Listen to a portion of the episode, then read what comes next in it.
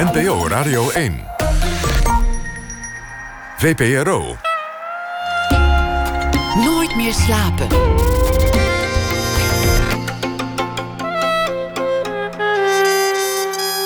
Met Pieter van der Wielen. Goedenacht en welkom bij Nooit meer slapen. Nog tot twee uur. Na één uur de registratie van uh, de eerste in wat wij voortaan altijd gaan doen.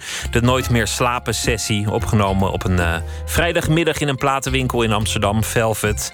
Artiesten die spelen drie liedjes, twee van zichzelf en één van iemand anders. En wij nemen dat uh, op in een vrolijke setting. Dit keer kwam niemand minder dan Douwe Bob op bezoek. En dat hoort u straks na ene. Zometeen uh, na ene komt ook Nina de la Parra op bezoek. Zij is uh, theaterregisseur en ze komt vanwege een nieuwe voorstelling Kaap Fury over het feminisme. Katelijn Schilder die zal een verhaal voordragen bij de voorbije dag. Maar komend uur Manoushka Segelaar Breveld. Wojski versus Wojski is de nieuwe voorstelling. Komend weekende gaat hij in première. Gaat over vader en zoon Wojski. In de jaren 30 kwam uh, Wojski senior naar Nederland vanuit Suriname. En maakte hier furoren als muzikant en uitbater van een club. Zijn zoon, met wie hij later een moeilijke relatie zou krijgen, die kwam iets later in naar Nederland en deed hetzelfde. Werd een beroemd muzikant en had ook een club. Deze twee mannen brachten de muziek met losse heupen naar Nederland in een tijd waarin zwarte mensen hier nog zeldzaam waren. Het is een voorstelling over de geschiedenis van Nederland, de geschiedenis van de muziek, van de Surinamers hier en ook van een moeilijke vader-zoon-relatie. Manoushka Zegelaar-Breveld is zangeres en actrice, werd geboren in Rotterdam in 1970, is grotendeels opgegroeid in Suriname, was te zien in ontzettend veel films, series, theatervoorstellingen, van Medisch Centrum West en Grijpstra en de Gier tot meer recent uh, de Kleine IJstijd. En ze maakt ook vaak voorstellingen over de geschiedenis van Suriname, Nederland en de verhouding tussen beide landen en volkeren. Manoushka, hartelijk welkom. Dankjewel. Leuk om je hier, uh, om je hier te hebben. Ik vind het heel leuk om er te zijn. Je bent, je bent geboren in, in Rotterdam, In Rotterdam. Maar, maar daar heb je toen als kind eigenlijk maar relatief kort gewoond. Ja, ik was uh, drie. Dus ik ben drie geworden op de boot terug naar Suriname. Omdat mijn ouders teruggingen uh, na hun studie. Althans, na de studie van mijn vader. Mijn moeder was vast begonnen aan kinderen krijgen. Dus we gingen met een zusje nog de boot op naar, terug naar Suriname. Wat altijd al de bedoeling geweest was. Want de boot was goedkoper en dan kon je al je spullen ook meenemen. Ja, precies. want, want zo ging dat eigenlijk in, in, in de, de, de betere families in Suriname. Je ging studeren aan de, aan de overkant ja. van, van ja. de zee... en daarna weer, weer terug om, om je kennis daar toe te passen. Ja, voor, voor elke familie die zich dat kon permitteren. De, de, de scholing in Suriname ging maar tot een bepaald niveau. Meestal de Mullen of de AMS, de Algemene Middelbare School. Het lyceum was er toen geloof ik nog niet, maar in ieder geval. En daarna, ja, als je iets verder wilde gaan doen... er was nog geen universiteit, dus heel veel... Uh, Surinaamse jongeren, zo gauw het een beetje te betalen was... of met een beurs, die kwamen naar Nederland om, uh, om een vervolgstudie te doen. Dus zo ook mijn ouders in de tijd. En dat was eigenlijk ook wat jij ging doen. Want jij kwam hier omdat ja. je filmacademie wilde doen. Ja, dat, dat, was inderdaad het plan. Mijn vader heeft de filmacademie gedaan en ik dacht, dat wil ik ook.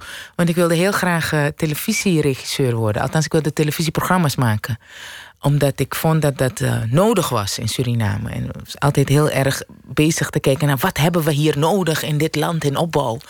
En het hele idee was inderdaad dat ik hier naartoe kwam, filmacademie ging doen en dan bij de Surinaamse Televisiestichting programma's ging maken. Het is ietsjes anders gelopen. Hoe kwam dat? Omdat. Um, omdat uh, ik niet werd toegelaten door de filmacademie om oh ja. te beginnen. Dus dat, die droom was al gauw uh, klaar. Nou ja, ik moest toelatingsexamen doen. Volgens mij is dat nog steeds zo. Maar uh, dat, dat, haalde ik niet. Of ik werd niet, ik werd niet ingelood of whatever. En, eh, en ik moest in dat jaar toch iets gaan doen wat, om me bezig te houden. Want ik kon pas het jaar daarop weer het toelatingsexamen proberen. Dus niet uit het veld geslagen ik... nou, ik ga even naar de sociale academie... en dan over een jaar dan doe ik weer toelatingsexamen voor de filmacademie. Maar ik vond die sociale academie zo leuk. Dus dat heb ik toen maar afgemaakt. Dat vond ik ook zo'n onzin om dat te laten, blijkbaar toen. Um, om vervolgens per ongeluk in theater te belanden. En als je, althans is mijn ervaring, daar eenmaal in belandt... dan uh, is het heel moeilijk wegkomen. Want, want er kwam weer een voorstelling en er kwam weer een opdracht en er kwam weer iets. En, en zo bleef je uiteindelijk. Ook, maar er kwam vooral een mogelijkheid om, om verhalen te vertellen die nog niet verteld werden. En ik denk dat ik dat, dat nog wel het belangrijkste vond. Of het, het, het leukste in ieder geval, of het meest interessante. Om op het podium te staan of voor de camera en daar verhalen te vertellen die niemand nog kent. Ja, of niet genoeg verteld werden, naar mijn mening. Of uh, die konden bijdragen. Het klinkt heel stichtelijk aan, uh, aan inzicht en begrip in, uh, in wat al die Surinamers nou helemaal hier doen. Vaak over, vaak over de geschiedenis. Recent, Ja. recent over, over Juliana bijvoorbeeld, over eh, Den L, over de geschiedenis van Suriname, over nou ja, heel veel van dat soort onderwerpen. Dat heb ik ook veel gedaan. Dat, eh, dat is in het kader van Stichting Julius Leeft, waar ik eh, een jaar of tien voor geschreven heb en ook in gespeeld heb. Er waren eenmalige voorstellingen. Het begon in Paradiso en uiteindelijk in de stad Schouwburg in Amsterdam. eh, hadden we dan eenmalig een, eh, een, een voorstelling met muziek en, en eh, scènes. En dat allemaal heel kunstig in elkaar verweven door regisseur John Leerdam. Over inderdaad dit soort onderwerpen die, die, die al helemaal weinig aan bod kwamen op, op, via andere media, zou ik maar zeggen. Via, op andere manieren. Dus het was wel een enorme kans om, om Nederlandse geschiedenis nog eens een keer eh, uiteen te zetten. Op een leuke manier. Dat, Want- dat niet inheemse geschiedenis, maar dat met andere delen waar Nederland mee te maken gehad heeft of gehad heeft. Laten we daar er straks nog wat, wat uitgebreider over hebben. Maar jij, je hebt Mhm. een groot deel van je, van je leven, van je jeugd in Suriname doorgebracht. Ja. Dat was eigenlijk niet van plan om hier je hele leven door te gaan brengen. is, is, dat, Nee. Is het een plek die je mist? Is het een plek waar je vaak aan terugdenkt, Suriname? Uh, jazeker, ja. Nee, het, is het, het is het land van mijn jeugd en dat, dat, is, dat is heel dierbaar. Eh, ik, ik denk dat de, de herinnering daaraan eh, zo langzamerhand wat mooier wordt dan het werkelijk geweest is. Je, je maakt eh, het nog iets zonniger en nog nou ja, iets dat, eh, dat- is wat vrolijker. met herinneringen gebeurt. Dan is het, dan is het, eh, dan is het, het paradijs eh, op aarde. Dat is Suriname voor mij absoluut heel lang geweest. En ik, ik ben realistisch genoeg om te, te weten en te zien dat het bij lange na niet een paradijs is. Maar, maar het is wel mijn paradijs. En het is de plek waar ik, waar ik een fantastische eh, kindertijd heb gehad. Een fantastische jeugd met buiten en mooi weer. En, en samen en, en, en, en overzichtelijk. Ehm, en hecht en warm. Echt behalve temperatuur warm, maar gewoon warmte van, van familie en vrienden. En die enorme grote elastieke familie. Wat niet altijd uit bloedverwanten bestaat. Dus dat, dat zijn voor mij hele mooie, waardevolle dingen die ik meegekregen heb in mijn leven. Waar, ja, waar, ik, ehm, waar ik heel veel aan gehad heb en nog steeds aan heb. Dus Suriname blijft een. eh, om het samen te vatten, mijn paradijs, wat, wat er ook gebeurt. Ja, jou, jou, jou, jouw vader was een soort ster in Suriname. Want hij, hij maakte televisie, maar hij heeft ook, ook filmrollen gespeeld. En- ik vind graag, je kondigde net aan dat Nina de la Parra komt in, Ja. tweede uur. En, en haar vader Pim de la Parra, die heeft ooit de grote iconische Surinaamse film gemaakt, One People. Over een man die vanuit Nederland teruggaat naar Suriname. Weliswaar voor de begrafenis van zijn moeder. Maar hij besluit dan heel zijn studie in Nederland af te kappen. En daar het land te helpen opbouwen. Of in ieder geval zijn hart te verpanden aan, aan, aan het land waar hij vandaan komt. En die, die hoofdrol, die Roy Farrell, dat speelde mijn vader. En dat is. eh, Helaas nog steeds de, de grootste eh, Surinaamse film. Het is wel een heerlijke film. Een fantastische, fantastische film. Die, die eigenlijk ehm, eh, in, in anderhalf uur of hoe lang die film ook mag duren. f- de hele geschiedenis eh, van hoe het reilt en zeilt in Suriname blootlegt. Maar als je vader over straat loopt, dan, dan wordt hij nog steeds in Suriname herkend vanwege die rol. En ook vanwege andere dingen. Maar als je bij mijn vader over straat loopt... en je, je hebt een, een afstand van, van 10 minuten te eh, overbruggen... dan duurt dat meestal een half uur... vanwege alle mensen die die gedag moet zeggen. En even een mensen die nog steeds... Bedoel, die film is echt... eh, wanneer is het 1975 gemaakt, 1974 zelfs, geloof ik. eh, die die eh, citaten uit die film naar zijn hoofd eh, slingeren. En het is echt eh, te leuk. echt heel erg leuk is dat. De familie Zegelaars is beroemd in Suriname. Breveld. Althans, eh, eh, ja, is de Breveld, eh, sorry. ja, ja. Breveld is beroemd in Suriname. Ook, ook als een muzikale familie. Ja. Vrijwel iedereen speelt en zingt wel iets. Ja, En, en, Ja. een, en een familie van, van, ja, hoe moet ik het noemen, dominees. eh, dat is eh, aardig samengevat. Zingende dominees. Zingende dominees. Eh, nee, mijn grootvader had inderdaad eh, eh, zeven broers en zussen. En ik geloof eh, vijf broers. En die, die waren, vier van de vijf waren dominee of voorganger in de kerk, zijn ze geworden. En dat. eh, het lijkt wel een soort traditie. Ik weet niet waar dat vandaan komt, maar dat is inderdaad zo. En alle zoons en, en, en neven, van, van- dus de broers van mijn vader, maar ook neven, die, die, die maken muziek. Zijn niet allemaal professioneel muzikant geworden, maar ze hebben wel altijd gezongen en gitaar gespeeld en, en toneelstukjes eh, gemaakt en gedaan. En, eh, En ook thuis op de veranda, want er is, er is een film gemaakt over de familie. Dan, Ja. dan, dan zie je eigenlijk iedereen ook in, in de momenten dat er even niks gebeurt, van jong tot oud, muziek maken. dat is dat, dat is vanzelfsprekend. bij ons, dat is inderdaad eh, eh, bij ons in de Brevoort-familie een vrij belangrijk element. Er is altijd een gitaar in de buurt en er wordt altijd gezongen. Eh, onder elke omstandigheid eigenlijk. Of we nou heel erg blij zijn of heel erg verdrietig. Of, en alles daartussenin. Het wordt allemaal met eh, muziek gezalfd. Dus ondanks dat het niet je bedoeling was aanvankelijk toen je sociale academie ging doen. Ja. En, en daarvoor omdat je dacht ik word regisseur voor de televisie. Mm. Was het, was het niet onlogisch dat je zelf voor een deel ook muzikant zou worden of op een podium zou gaan staan? Ehm, nee, nee, nee, onlogisch niet, maar ik heb het nooit echt geambieerd. Althans, niet toen ik hier naartoe kwam. Ik, ik zong wel in bandjes en zo, maar dat was omdat ik niet zoveel zin had om in een winkel te staan en, en kleding te verkopen. Dus het was een makkelijke manier om geld te verdienen toen ik studeerde. En, en uiteindelijk heeft het goed uitgepakt. heb ik er ook nog professioneel wat aan gehad, zou ik maar zeggen. Maar, maar nee, het, was, het is nooit echt. Voor zover ik me kan herinneren, nou ja, heel vroeger dan wilde ik jazzzangeres worden op Broadway. Hoe ik daar nou bij kwam, dat weet ik ook niet. Waarschijnlijk eh cabaret gezien of zo, eh, de film. Eh, of een chorus line, I don't know. Maar, maar, maar dat, eh, dat leek me wel wat. Maar het, is nooit echt een televisie maken. Dat, dat was, wel een, eh, was wel een ding. Dat is altijd een groter eh, ding geweest. Nou ja, allemaal niet gebeurd. Allemaal niet gebeurd. Allemaal niet gebeurd, maar ik ben ontzettend leuke dingen aan het doen. En Ja. dat is ook eh, wat waard. En daar heeft die muzikale familie ongetwijfeld ook aan bijgedragen. Het bijzondere aan die film, de, de, film die is, de, de familie had meegewerkt aan een, een film van de, van de EO over, Ja. over de familie Ja, Breveld. een film van eh Geert-Jan Lassen. Eh, later, eigenlijk uit, uit onvrede, zich ervan gedistanceerd. Van nou, dit is niet het beeld waar wij op gehoopt hadden. We hadden eigenlijk een, op een andere film gehoopt. Mm. In, in die film zie je eigenlijk hoe de geschiedenis van, van Suriname dwars door die familie loopt. Als een Ja. soort breuklijn. Ja. Dat mensen elkaars politieke opponent worden. Jouw vader is eh, woordvoerder van, van Bouterse heel Mhm. lang geweest. Zijn broer is, is eigenlijk de belangrijkste man in de oppositie tegen, tegen Bouterse. ja. En, en wonderbaarlijk genoeg heeft het de familie niet op persoonlijk vlak gescheurd. Nee. Nee, ik denk dat. eh, Suriname is heel klein, er wonen heel weinig mensen. Eh, dus, dus al te grote ruzies kan je helemaal niet permitteren, want daar heb je niemand over. Althans, als het op familie aankomt. Dat is mijn theorie. Ehm, ik, ik denk dat in deze de familieband hecht en sterk genoeg was, is om van enorm van mening te kunnen verschillen. Echt grote, wat je zelf net schetst, grote ideologische verschillen. En, en ook het verwerpen verder- van elkaars ideologieën Verder kun je niet en uit ideeën. elkaar staan, toch? Verder kun je niet uit elkaar staan, nee. Alsof dat nog niet genoeg was als een derde broer. Die begon een echt geheel andere politieke partij. Is nog steeds actief. Eh, dus inderdaad, wat je zegt, verder kun je niet uit elkaar staan. Maar blijkbaar is de familieband sterk genoeg om het, eh, om het toch bij elkaar te houden. Hoe doe je dat? Eh, Is het dan onderwerpen vermijden? Of, Ook, of denk ik. elkaar gewoon accepteren, dat, ondanks het meningsverschil? Nou ja, dat in de eerste plaats. Ehm, en verder... eh, en onderwerpen vermijden, ja, dat is onvermijdelijk.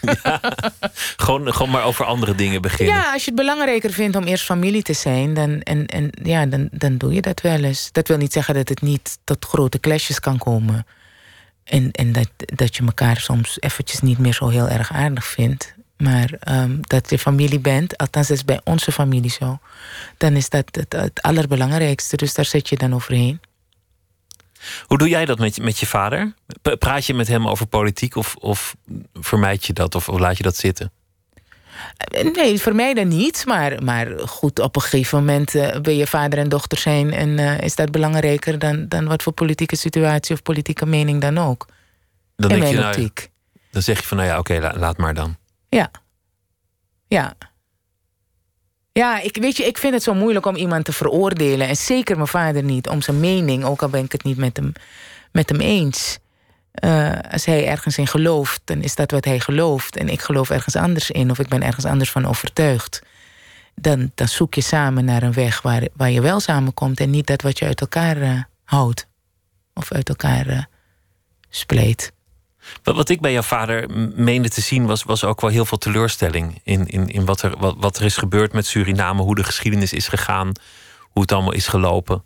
En, en ook wel een soort, soort twijfel die, die de man van binnen binnen zichzelf splijt.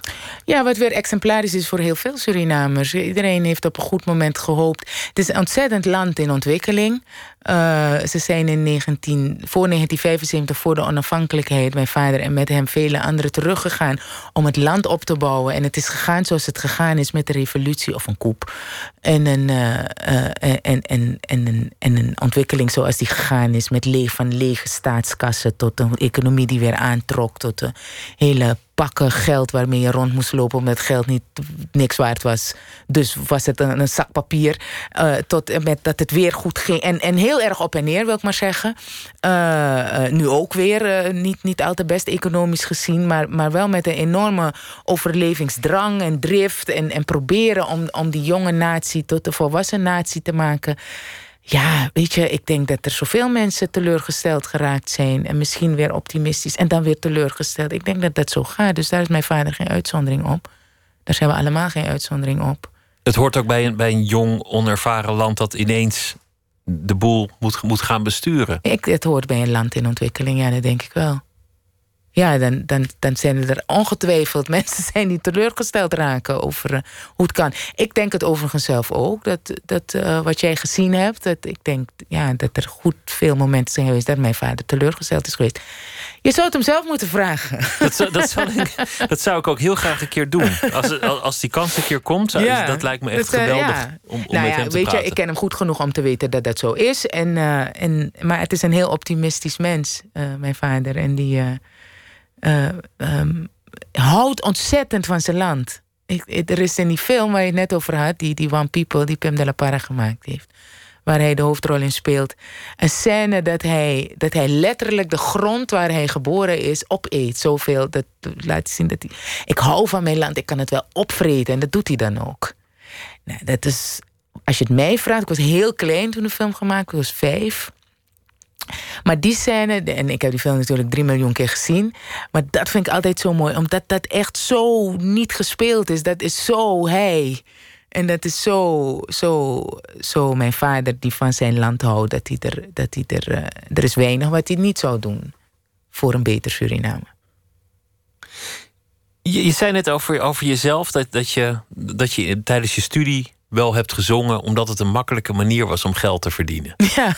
En, en dat vind ik heel grappig, omdat ik heel veel muzikanten ken die hopen dat ze ooit een keer er, er een rode rotcent voor zouden Oh. kunnen krijgen.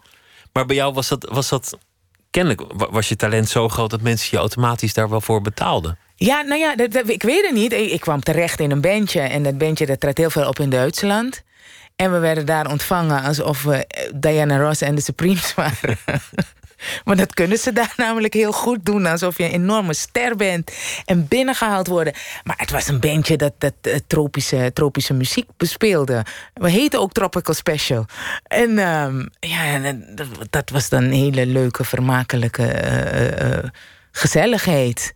Met geen enkel idee van doorbreken op de, de- op de hitlijsten of wat dan ook. Het was echt er Gewoon een leuke avond hebben voor jezelf. en de vermaak van de, van de bezoekende mens in de desbetreffende nachtclub in het desbetreffende hotel.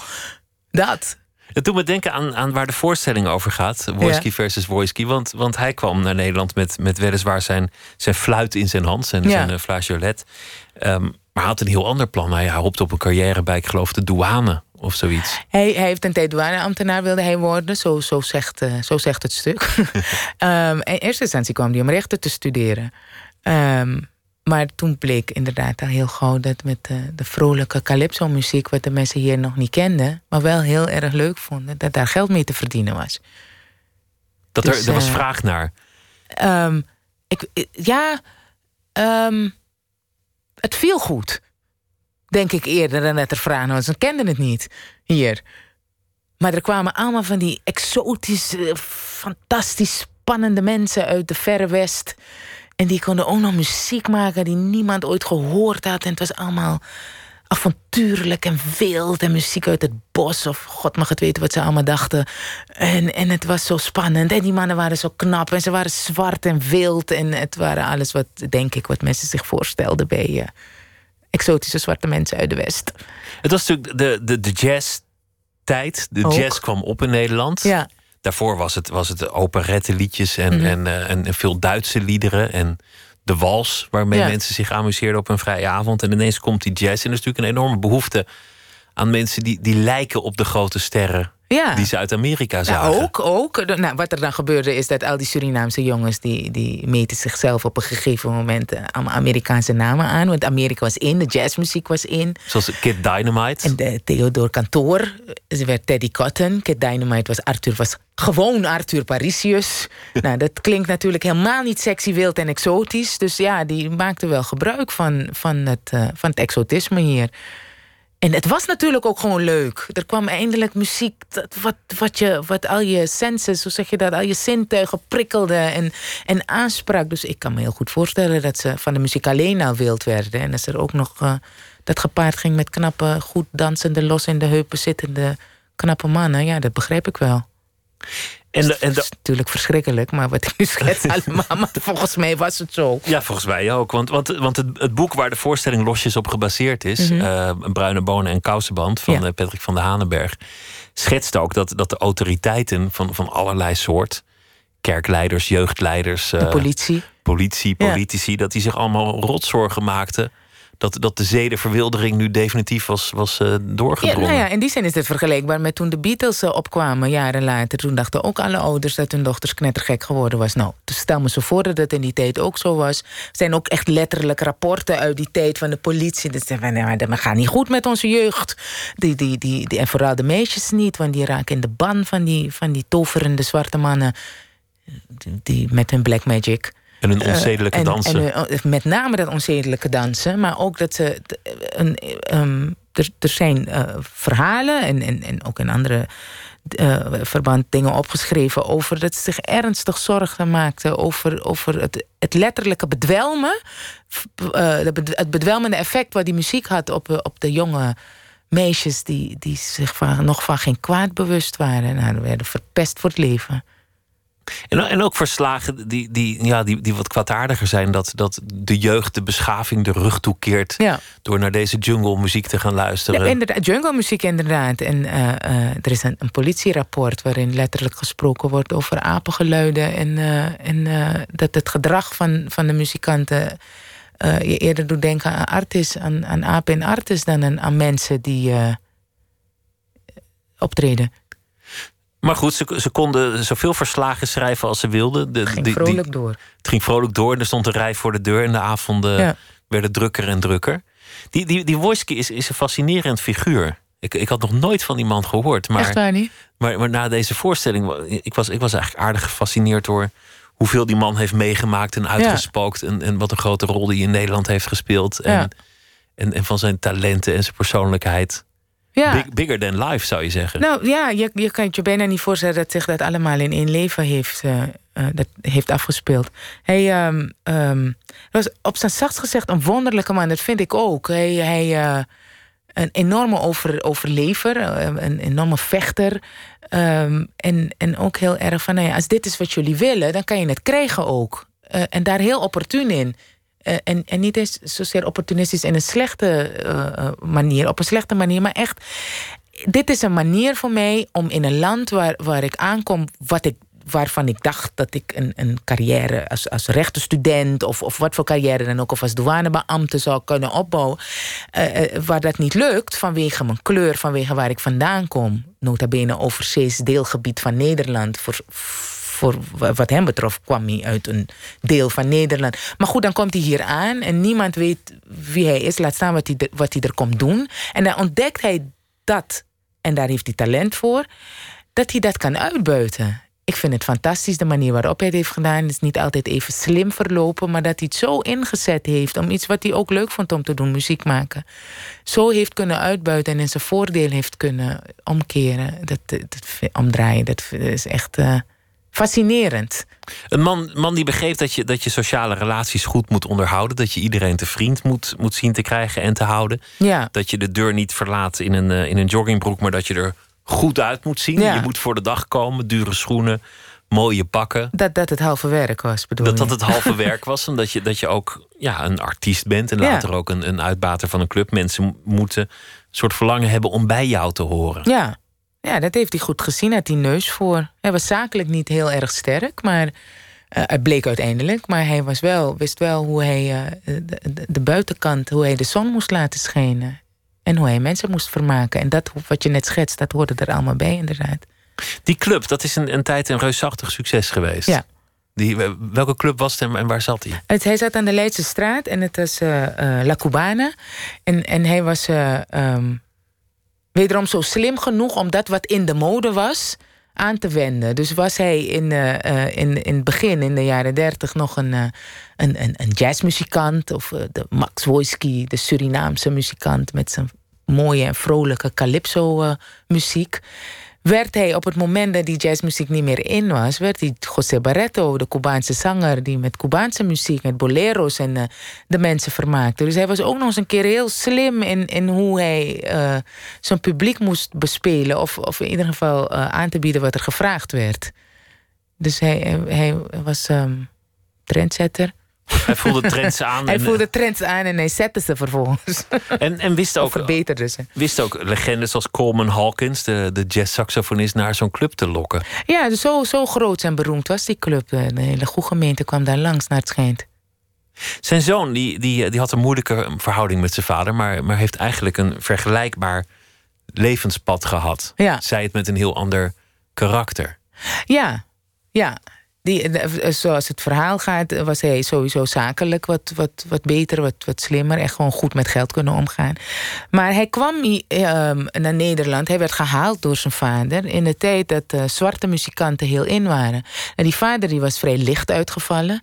Daar, daar, deed de familie ook heel erg zijn best voor om zo licht mogelijk te blijven. Dit niet alleen maar die familie, maar in, in Suriname in die tijd uh, was, het, was het, het, het, het, decreet hoe lichter, hoe beter. Want dan kwam je verder op de maatschappelijke ladder. Het is verschrikkelijk, maar het was echt zo. Dus, dus als je een, een, een lichte huwelijkspartner vond, licht van kleur, dan, ja. dan, dan was dat een soort beweging naar boven. Er was een beweging naar boven. Dat, begon al in de tijd van uh, Elisabeth Samson. Het was een eeuw daarvoor, als het niet twee is.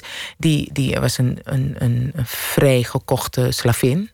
Uh, en, uh, en die heeft er echt heel bewust met blanke mannen kinderen gekregen... zodat haar kinderen het beter konden hebben dan zij. Nou ja, goed. Die trend heeft zich voortgezet... en, en, en is in de jaren dertig van de vorige eeuw nog steeds aan de hand. Op het moment dat Max Wojski een licht uitgevallen iemand is... en, en in Suriname in ieder geval hoger op de maatschappelijke ladder staat dan dat zwarte kind dat hij krijgt. Met een, uh, met een donkere vrouw. Um, zo is hij ook altijd behandeld. Maar goed, dan komt hij in Nederland en dan blijkt dat het zwart best nuttig kan zijn. Want, want, want in de mode Vreselijk. Ik vind het hard om te vertellen. Ik denk, wat erg. Oké, okay. dus het is in de mode zwart. En uh, althans, in de mode voor de muziek. Dus voor die jazzmuziek en, en, en, en wat daarna kwam. Dus, dus dat was wel handig dat hij nog een zwart kind had ergens... wat die, uh, in zijn band, uh, die ook nog gitaar kon spelen. Die hij in zijn band kon zingen. Dus zo komt hij hier naartoe. En vervolgens werkt hij zich helemaal het apenlazerus voor die vader in die, in die, in die kroeg of in die, in die club die ze hadden. En, uh, en komt hij uh, helemaal niet toe aan wat hij eigenlijk wilde gaan doen, namelijk vliegtuigbouwkunde gaan studeren. En, en Bach spelen. Uh, maar, maar zit hij gevangen in, in dat. Uh, sowieso door zijn vader maar, en, en die club van zijn vader, maar ook door wat, wat de maatschappij van hem wil. Namelijk de vrolijke Surinamers zijn die met warme lach en charmant accent het land vermaakt met zijn blije klanken. En naar die rol heeft hij zich uiteindelijk uh, toch geschikt. Misschien niet helemaal uh, um, met hele grote innerlijke tevredenheid, maar hij verdiende er een goede boterham mee. En kon zijn gezin onderhouden en hij ging precies de weg op die hij niet daarmee, die hij niet op wilde gaan omdat, omdat het is een toch... wonderlijke geschiedenis. Ja, deze, deze twee mannen. Echt nou, ongelooflijk. Dit, dit, soort dingen zijn volgens mij werken nog steeds door. Voor, voor een deel. Ik bedoel dat, dat, dat mensen het, het misschien makkelijker vinden om, om iemand die zwart is als soulmuzikant te zien dan, ja. dan iemand achter een vleugel uh, Mozart te zien spelen. Ja, het is, het is inderdaad ook wat een, wat een maatschappij van je wil. Uh, en, en, en je daarna voegen. Ik. Uh, Ik, toen we begonnen aan deze voorstelling, dacht ik, ja, mooi, een goed verhaal. En, en ik kwam gaandeweg repeteren. Ik er steeds meer achter dat ik, dat ik in hetzelfde ding zit. Uh, ik kwam hier ook om naar de filmacademie te gaan. En vervolgens ben ik het land aan het vermaken met mijn blije klanken. Uh, wat helemaal niet erg is, want ik wil daarmee nog even vertellen hoe, het, hoe, het, hoe het zit. En hoe die gezamenlijke geschiedenis is. Tenminste, dat probeer ik. Doe niet in elk stuk. En niet met elk liedje dat ik zing. Maar, maar als ik het doe, en zoals nu met dit Wojski Wojski stuk, wil ik, is, is, is, is het grote doel, behalve een goed stuk en mooi stuk maken en lekker spelen, is het ook van jongens, dit is deel van onze geschiedenis. En niet onze Surinaamse geschiedenis, maar onze gezamenlijke Nederlandse geschiedenis. Dat speelt zich allemaal hier af in Nederland. Dus, maar het, op de een of andere rare manier bekruipt me dan toch het gevoel van Jesus. Het is dan um, um, soms voldoen aan een verwachting of zo. Doen jullie maar leuk zingen en dansen. Is natuurlijk helemaal niet zo, maar soms komt dat langs. Dat alsof, nou, het is, ik vind het een interessante uh, gedachte toch? Alsof hun geschiedenis zich zo een soort van blijft herhalen. Wat, wat, wat, ik, wat wel is, uh, een, een, directe vergelijking met hun, is dat zij kwamen, ze lieten uh, huis en haard achter en ze stapten op een boot en kwamen naar Nederland. Want ze gingen naar het grote, het grote moederland Nederland, wat ze goed kenden, want, want dat spraken Nederlands, uh, christelijk geloof, nou het hele Nederlandse ding. En dan kom je hier aan en niemand weet wie je bent en dan helemaal niet wat je komt doen. Nou, dat heb ik één op één hier meegekregen ook toen ik kwam. Uh, dat mensen dachten, wat kom je eigenlijk doen? Later. Wie ben je, waar kom je vandaan? En waarom kom je hier naartoe? En dat, dat is eigenlijk wel, wel interessant dat zo'n ongelijke verhouding is. Omdat dat iedereen in Suriname, zeker tot 1975 precies wist de topografie van Nederland tot de kleinste gemeente precies. aan toe. De, Bij Lobet stroomde Rijn ons land binnen. Dat de, werd de gewoon letterlijk geleerd. De, de, de wetsartikelen van Nederland. Alles. Alles. Ja. Elk detail van dat land kenden ze. Dus ik kom hier aan en ik denk, nou, iedereen weet waar Suriname ligt. Dat het een kolonie is geweest, dat we nu onafhankelijk zijn, dat we Nederlands spreken, dat, uh, dat het onderwijssysteem hetzelfde is, dat we uh, naar de kerk gaan, uh, dat weet ik veel, alle andere Nederlandse, leuke Nederlandse dingen. Nee hoor, niks van dat alles. Wat spreek je goed Nederlands? Ja, hoezo? ja. ja, maar eigenlijk spreek je toch... Hè? Ik, zeg, ik spreek eigenlijk helemaal... En ik spreek eigenlijk Nederlands. Waar heb je het over? Ja, maar als je thuis bent... Nou ja, goed, dat. Het is heel raar. En dan druk ik me zacht uit. Nou, dat, dat, dat is in, in ieder geval een soort, soort merkwaardige kijk op de eigen geschiedenis. Ja. Dat, een, dat een stuk van die geschiedenis niet, niet bekend nou ja, is. Als, ja, precies. En dat is, dat, er is geen kijk. Want het is gewoon niet bekend, inderdaad.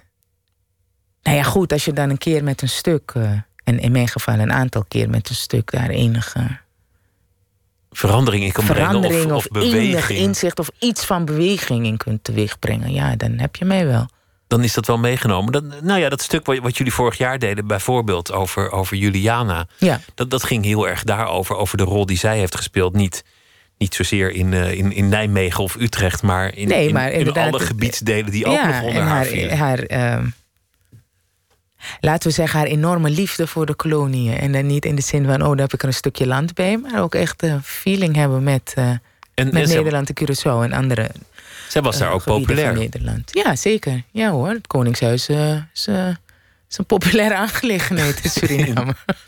nu niet meer, denk ik, toch? Ja, weet ik niet. In sommige delen wel. Ik denk dat het nu vooral behoort tot de categorie schattig. Maar, maar uh, ik weet dat ik in het diepe binnenland in Suriname ben geweest. En dan hangt in, het, in de hut van de Gramang. Dat is het, het opperhoofd, hè, het hoofd van, van het dorp. Dat je daar dan komt en dan hangt er ineens een portret van Beatrix. Dat je denkt, ja, ja oké. Okay. Oké. Okay. Nog steeds, ja. Ja, niet zo lang geleden. Ik ben er een tijd niet geweest, maar dat heb ik wel, wel meegemaakt. Ja, ik denk dat dat ook wel nog steeds is. Die denken, ik ben hier een koning, zij is daar een koningin, prima, ik hang erop. Maar wel met, met die, dat gevoel van gelijkwaardigheid, denk ik wel. Dat, dat wel. Maar inderdaad, in de tijd mijn moeder opgroeide, dan, dan, dan kwam, kwam uh, Beatrix kwam, kwam op, op staatsbezoek, of Juliana zelf. En dan is ze allemaal uh, Beatrix zou niet geweest zijn, maar, maar, maar, maar Juliana. En dat ze dan allemaal met vlaggetjes uh, klaar stonden en de koningin kwam. En dan kom je hier aan en mensen vragen je, wat kom je doen en wat waarom? Wat kom je eigenlijk doen? Wat, wat praat je goed nou, Nederlands? ik ben hier ben omdat jij? ik uit een deel kom, uit een ander deel kom van Nederland. Nou, leg dat maar uit. Niet te bevatten. In die geschiedenis uh, van, van Wojski zit, zit ook het, het eigenlijk het heel pijnlijke deel van die, van die geschiedenis. Want Wojski is een is een, een Poolse naam oorspronkelijk. Mhm.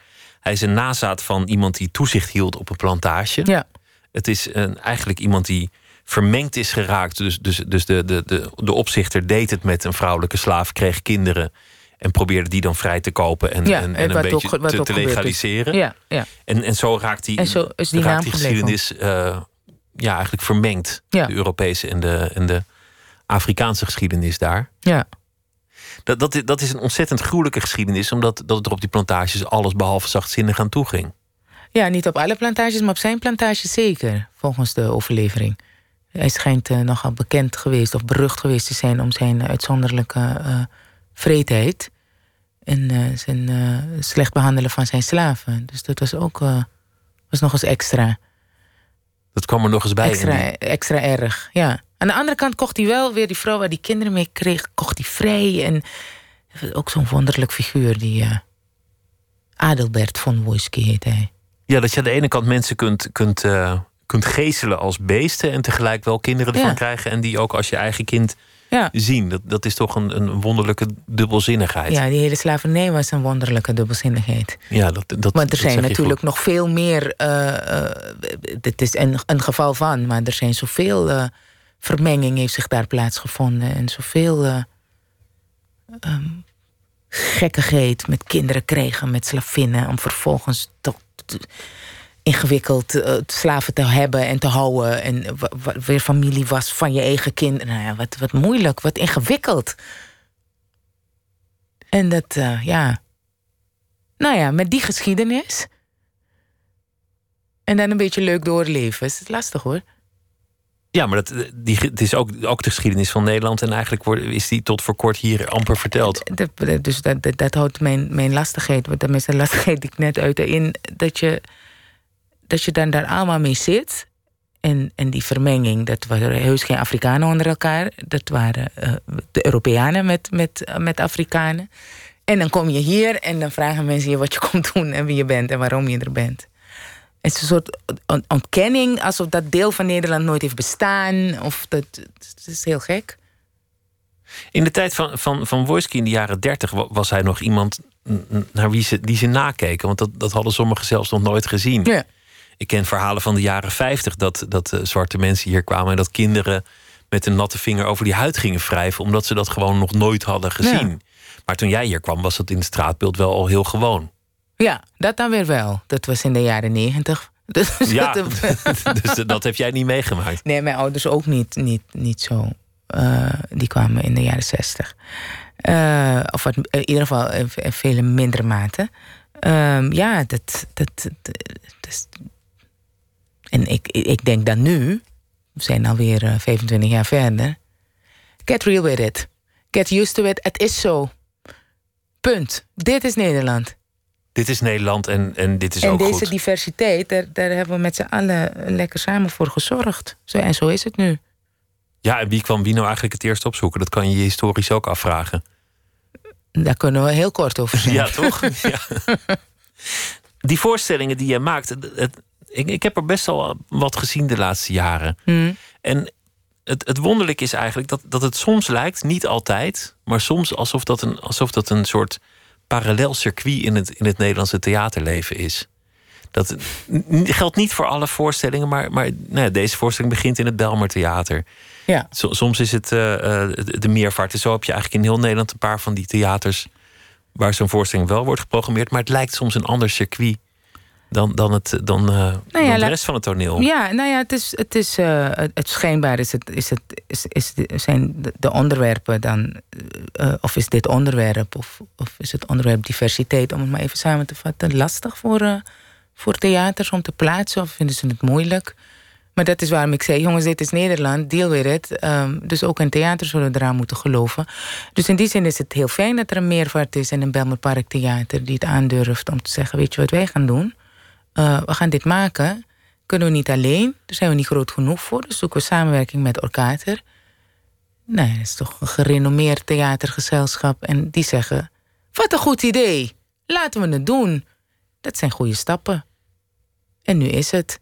En nu Ja, gaat het, het- gewoon gebeuren zondag. Klaar, ik heb net de eerste voorstelling gespeeld. Komt hartstikke goed.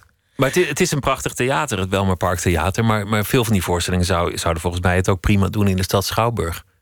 Maar gek genoeg zie je ze daar niet altijd. Nee, niet, nog niet vaak genoeg, maar dat, you know, step by step, we're getting there. Ik werk vaak bij Urban Myth. Die, die maakt voorstellingen die ook gaan over uh, de niet-reguliere onderwerpen. Zal ik het nu nog maar even noemen, want uiteindelijk zijn het hele normale onderwerpen. En is het een hele normale reflectie op wat er in de samenleving gebeurt, waarvan ik vind dat, wat ik vind dat kunst moet zijn en wat theater helemaal moet zijn. Helemaal als je zoveel mogelijk verschillende mensen erbij wil betrekken, dan moet je wel dingen maken waar ze zich in herkennen. Uh, dat, dat helpt namelijk dat ze komen kijken. Uh, dus Urban Mid werkt eraan. Ze staan altijd in de stad Schouwburg in première in Amsterdam. Uh, het gaat steeds beter en steeds meer. En dit is weer een, weer een stap. Maar je hebt helemaal gelijk. Het is een... nou, alternatief circuit wil ik het niet noemen, maar in ieder geval, wat zei je nou? Een parallel circuit. en dan gaan we steeds meer toe naar, naar Schouwburgen die het wel aandurven om om die verhalen te laten zien. Om die verhalen die ze niet zo gewend zijn te laten zien, wel te laten zien. Ja, het zijn verder gewoon goede voorstellingen met goede mensen en, en, over interessante verhalen. Ook, uh, waarom ook niet? Ja, precies. Ja. Nee, ik denk dat mensen zijn bang voor wat ze niet kennen. Maar dat is geen enkele reden om te stoppen. Om ze te maken. Dus we gaan gewoon uh, moedig voorwaarts. En dat groeit wel. Daar maak ik me geen enkele zorgen over. Je, je bent eigenlijk heel optimistisch. Ja. Je bent, bent heel optimistisch over, over Nederland en over, over, over het theater en over, over hoe alles gaat. Ja, kijk, tuurlijk wil ik dat het sneller gaat en beter en meer en veel. Maar het gaat zoals het gaat. En ik vind dat het een goede ontwikkeling is. En af en toe is er een setback. Maar over het algemeen. Uh, bedoel, er zijn nog geen echte rellen uitgebroken. En, uh, en oorlogen hierover in Nederland zelf, burgeroorlogen. Dus uh, we moeten wel door blijven gaan. En het optimisme komt voort uit dat er geen andere weg is. Ik bedoel, het kan, het kan niet anders. Diversiteit is en het is de normaalste zaak van de wereld. En dus gaat het, uh, gaat het, het gebeurt gewoon. Punt. Ik heb soms, soms wel, eens, wel eens de vrees dat, dat er een soort, ook een soort parallele wereld is tussen, tussen wat je in, in de media uh, meekrijgt. Mm -hmm. Wetend dat ik daar zelf dan deel van uitmaak. En, en wat er intussen gewoon in Nederland gebeurt. Oh ja, dat, dat idee heb ik ook. Dat de discussies in de talkshows misschien een heel andere toon hebben inmiddels dan, dan gewoon de discussies op de markt en, en elders. Ja, ik, volgens mij. Um, uh, nee, ik, ik niet volgens mij, dat ben ik met je eens. Um, ik denk ook dat dat, dat, dat aan de hand is. Um, ik uh, woon in Almere en daar zou een enorm PVV-bolwerk zijn, dat heel moeilijk is. En nou, als je de media moet geloven, dan gaat iedereen daar rollend over straat. Niets is minder waar. Heel gek. Het is een hele fijne stad om in te leven en te, eh, te zijn. Om te wonen in ieder geval. Uh, en, en, en ik zie van alles gebeuren. Uh, op school bij mijn kinderen, uh, op straat. het gaat allemaal dwars door elkaar heen. Nee, het gaat niet altijd even, even gezellig. Maar dan gaat het tussen Groningers ook niet altijd. is ja je hebt helemaal gelijk als je dat zegt. Um, maar goed, dat is de media. In theater vind ik dat, dat, dat we soms een beetje achterlopen. Eh, in, op televisie helemaal, als het gaat om drama. Uh, vind, vind ik soms echt dat... Dat, dat, dat, dat het nog erg wit is, bedoel je? Ja, nou ja, dat, dat, dat, wat, dat wat in de samenleving gebeurt... dat, dat ik dat niet terugzie in, uh, in, te, in, op televisie, in, in drama, in, in televisieseries. Of te weinig. Niet helemaal niet, maar te weinig. Soms wel, en soms in theater niet, ook moet ik te zeggen. weinig. Ik heb, ik heb wel eens bij, bij zo'n romantische komedie in de zaal gezeten. Ik dacht, goh, ik zit gewoon te kijken naar Nederland van 30 jaar geleden. Dit is gewoon niet een straatbeeld dat, realistisch ik. is. Ja, dat het is ik. ongeloofwaardig geworden. En als er, als, er, als er dan al over diversiteit gaat, of over zwarte mensen, dan, dan, over zwarte Nederlanders, dan is het vaak een probleem. Nu vind ik dat drama bestaat bij de gratie van problemen. Uh, maar, maar inderdaad, als je het hebt over romantische comedies en, en, en televisieseries. Uh, um, als ik in het ziekenhuis in, in Almere kijk, dan is het, het is een heel divers ziekenhuis met allerlei soort mensen die daar. Uh, en arts en verpleger en god mag het weten wat ze allemaal zijn in een ziekenhuis zijn. En, uh, en, en als je een ziekenhuis ziet in de gemiddelde Nederlandse televisieserie, dan mag je blij zijn dat er één zwarte kinderarts is. Nu ben ik dat toevallig zelf in een serie, maar dat is het dan ook. En ik vind dat, dat en dat, ben ik, dat vind ik heel goed. En dat, dat, dat is fantastisch. Zonder dat het gaat over dat moeilijk uit Tanzania gevluchte arts die een baan gevonden heeft in een streekziekenhuis in Nederland. Maar gewoon, het is gewoon zo. Dat, dat is wat ik vooral mis. Ehm, en wat nog veel meer zou kunnen. Maar goed. Maar nogmaals, ik blijf optimistisch. Het, gaat, de goede, het, gaat, het gaat de goede kant op. Ja, wat moet ik anders zeggen? Het gaat naar de eh, haaien, kan je ook zeggen hoor. Ja, maar het gaat niet naar de haaien. Dat is ook niet zo. Dat is absoluut niet zo. Ik vind het nog te weinig. Het kan veel meer. Maar ja, dan, moeten we door blijven werken. En dat geldt ook voor theater. Dus dan ben ik extra blij met stukken als Wojski versus Wojski. Of als ik weer bij Urban Myth aan het werk ben. Of dat uh, John Leerdam een voorstelling maakt in de Nieuwe Kerk over Martin Luther King bij een tentoonstelling behorend. Of, uh, of dat uh, Orkater de nieuwkomers heeft en de blackout van 77 maakt. met, met, allemaal, met een hele diverse cast en, en allemaal hele knappe, getalenteerde mensen. Echt de hele Santa door elkaar heen. En dat het ook helemaal niet uitmaakt wat voor kleur ze hebben... of waar ze ooit hun ouders of grootouders vandaan gekomen zijn. Maar dat dit het Nederland is van nu. Ik word daar heel blij van. En zolang dat soort dingen worden gemaakt, dan blijf ik optimistisch. Zolang er mensen zijn die bereid zijn het te maken... en die dat willen maken... dan, dan blijf ik optimistisch en als ik eraan mee mag doen helemaal. Hoe vind je het inmiddels om, om, om in Nederland te leven? Want, want het is wel anders dan, dan waar je opgroeide in Suriname. Ja. Dat, de, ik heb die beelden gezien van op de veranda met, met de muziek. En, en uh, nou ja, zoals je zei, een, een, ritje van een kwartier wordt al snel een wandeling van, van anderhalf uur, omdat je zoveel mensen tegenkomt. Dat, dat, dat, dat sociaal warme, het familiale, de, de muziek overal, dat je iedereen kent. Je, je hebt wel een ander leven gekregen dan, dan waarin je bent opgegroeid. Ja, maar inmiddels leef ik dit leven al langer dan dat ik uh, in Suriname geleefd heb. En, uh, maar je bent toen gevormd. Ja, ja, dus dat, dat warme en dat familiale enzovoort, dat, dat, dat, dat heb ik hier ook. Het is op een andere manier. Maar, maar dat, dat is wat ik nu eenmaal meegekregen heb. En ik heb hier familie wonen en ik heb hier mensen tot mijn familie gemaakt. En ik heb hier vrienden. En dat, dat, ja, dat, dus die, die warmte en dat familiale, dat, dat hou je, dat ken ik en dat is zo. En dat, dat deel ik ook met, met mensen die, die hier wonen en, uh, en zijn. Um, en, het, en, het, en het leven gaat zoals het leven gaat. En je maakt er het beste van. Dat is in Suriname ook zo. Dus hier vind je daar ook een, uh, een manier voor. De muziek wilde ik het nog met je over hebben. Want dat speelt zo'n grote rol in, in eigenlijk heel veel voorstellingen die je hebt gemaakt. Speelt ook in deze voorstelling een enorme rol. Ja.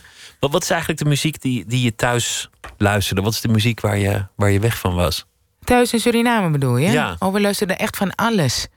Echt van, van, van Toon Hermans tot uh, um, uh, Bing Crosby tot uh, Anne Murray en Stevie Wonder en Ella Fitzgerald en Dinah Washington. Um, Gerard Cox. Echt de hele mikmak door elkaar. Alles? Alles.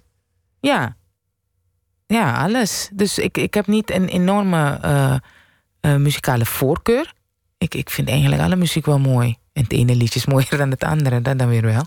En je zong als kind automatisch. Dat was, was iets dat je, dat je eigenlijk meteen deed zodra je een, een stem had. Oh, dat is echt zo met de paplepel ingegoten. Mijn vader, die, zodra hij een gitaar ziet, pakt hij het op en begint hij te spelen en te zingen. Dus dat, dat ging, ging geheel vanzelf. Ja. En je, je ooms ook en je neven ook en, en iedereen. ook en, uh, en neefjes en echt, ja, inderdaad, iedereen. En ik zong in het kerkkoor van mijn grootvader. Dus dat, dat, ja, dat is gewoon. Een, Wat zong je daar dan? Inherent aan ons zijn. Gospel. Uh, nee, want we zijn hele. Uh, uh, de evangelische broedergemeente was een hele nette, strikte kerk. Hij was, was wel heel um, flamboyante man, maar, maar wel heel strikt. En, dus dat waren de betere aria's. En, en uit het, uh, weet ik het, een of ander gezangenboek wat er altijd was. maar in ieder geval de, de, grote blije, blije boodschap werd ah, daar.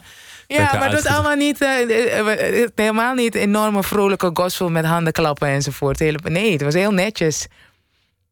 Heel netjes. Is dat ook hoe je je eigen kinderen opvoedt? Met, met, met, met veel muziek? Um, ja, niet, ja, er is altijd wel muziek, maar, maar ze, ze, ze maken zelf niet echt muziek en zingen ook niet. Dat, dat, dat vinden ze niet nodig. Ze vragen ook wel eens of ik alsjeblieft mijn mond wil houden. Als je zingt? Als ik zing. En we hopen dat je dit jaar, op mijn jaardag zeiden ze, en we hopen dat je dit jaar dan wat minder zult zingen in de badkamer, midden in de nacht. Blijkbaar doe ik dat. Maar je zingt mooi. Ik bedoel, oké, het is midden in de nacht, dus misschien Ja, maar misschien als je lastig, een kind maar- bent en je moet het de hele dag horen, kan ik me voorstellen dat je op een gegeven moment denkt, kan die vrouw uit? Ik vond het in de Hij voorstelling... wel trots ja. op me hoor, daar niet van. ik vond in de voorstelling mo- mooi dat, dat- je ook, dat jullie ook proberen een beeld te schetsen van, van waar Nederland muzikaal stond. Ja. En, en op een gegeven moment wordt het oorlog. Is nog een heel, heel hoofdstuk in, in, eh, in dat verhaal natuurlijk. Mhm. En, en dan, dan, dan zingen jullie ook de, de bonte dinsdagavondtrein, die liedjes. En, eh, en dan zing je ook eh Lily Marleen, Ja. bijvoorbeeld. Ja.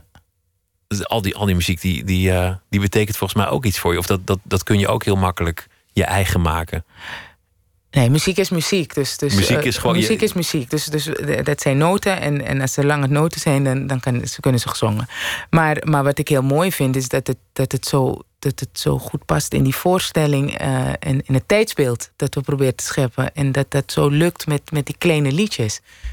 Dat vind ik echt dat vind ik een van de leukste dingen die, die gelukt zijn in de voorstelling. Want je bent er meteen. Je Ja, hoort daarom. zo'n je hoort zo'n liedje en je hebt meteen En de je sfeer te pakken. waar je bent, meteen hoe, waar je... wat- ja, precies. Dus dat, dat, is, dat zijn fijne dingetjes. Dat is zo fijn van muziektheater. Dat je met een liedje eventjes de sfeer. Ja, dat je met hele kunt- kleine kunt ingrepen... want we, we zingen helemaal niet enorme dingen... Maar, maar dat je juist met die kleine liedjes... een heel tijdsbeeld neer kan zetten. En het ook zo na- leuk naar je hand kan zetten. Ook, ook de, de voice liedjes die erin zitten. Dat, eh, eh, daar ben ik heel benieuwd naar hoe dat gaat werken. Want er zijn, er zijn heel veel mensen komen naar de voorstelling die het kennen. Het is vanavond de, de allereerste try-out. En dan, dan hoor je al aan een aantal mensen in het publiek... die, die gaan daar dan toch een beetje meezingen zo. Ik verwacht dat dat nog veel meer wordt. Maar dat, dat Gary Mendes, die de, die de muziek bewerkt heeft... Dat die, heeft er toch een eigen draai aan gegeven. Dus zet mensen daarmee ook een beetje op het verkeerde been. Maar dat hij van, van al die liedjes van toen... eh, ja, het hoort natuurlijk bij een bepaalde tijd en in een bepaalde stijl en een bepaalde manier gezongen, maar dat hij dat hipper heeft gemaakt. En, terwijl het toch zijn eigenheid behouden heeft. Dat vind ik echt. eh, met hele kleine ingrepen. We, hebben helemaal niet een enorme band. Het is percussie en het is een, een, piano en een gitaar en stemmen. En dat je daarmee dan toch, dat vind ik zo magisch aan muziek. Dat je zulke enorme eh, beelden neer kunt zetten in, in, in vrij korte tijd. En een ander aspect van muziek, en daar gaat die voorstelling eigenlijk voor een deel ook over, is Mhm. dat, dat muziek de, de allersnelste manier van ontmoeten is. Dat, Ja. dat, dat door de hele geschiedenis heen zelfs partijen die in oorlog met elkaar waren, elkaars liedjes over de loopgraven heen hoorden en begonnen te imiteren. Ja. Dat, dat muziek, dat, dat, dat vermengt altijd. Ja, het verbindt ook. Het verbindt. Het is een, een heel universeel, een hele universele taal. De- Nou ja, dat, dat zeggen de mensen toch. Een universele taal. Het, ehm, ik denk dat het komt omdat het je op een andere manier aanspreekt dan wanneer je, wanneer je praat of als je iets leest. Dat, dat komt op een hele andere manier binnen. Dat Een er andere hele ingang. andere snaren en hele andere dingen in je brein ook. Denk ik Ik dat denk het het daardoor ook. komt. De voorstelling heet Wojski versus Wojski en eh, gaat dit weekend in première en daarna op reis door, door echt het hele land. Ja. Brabant, eh, Limburg, eh, Groningen, In al die schouwburgen dus. In, in, in al die schouwburgen. so dit, keer is het, eh, somewhere. dit keer is het gelukt. Dankjewel dat je te gast wilde zijn. Heel eh, graag Manoushka gedaan. Zegelaar-Breveld. En we gaan eh, luisteren naar eh, muziek van eh, Laura Marling. En eh, dit is vanwege een Britse misdaadserie. Speelt zich af in Birmingham in 1919. En dit eh, is een nummer van Bob Dylan. Oorspronkelijk A Hard Rain's Gonna Fall. Maar dit keer in de uitvoering van Laura Marling.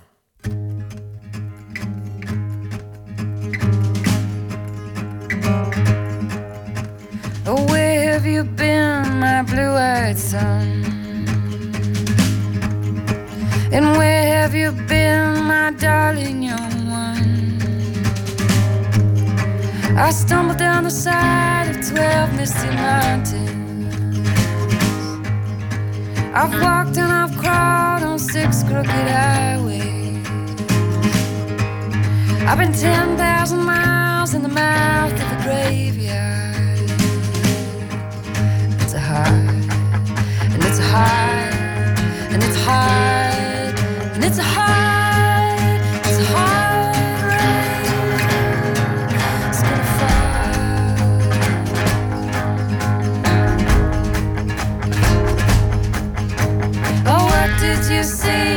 blue eyes And what did you see, my darling young one? Saw newborn baby with wolves around it. Saw a highway of diamonds with nobody on it. I saw 10,000 talkers whose tongues were upright it's a high, it's a high, it's a high,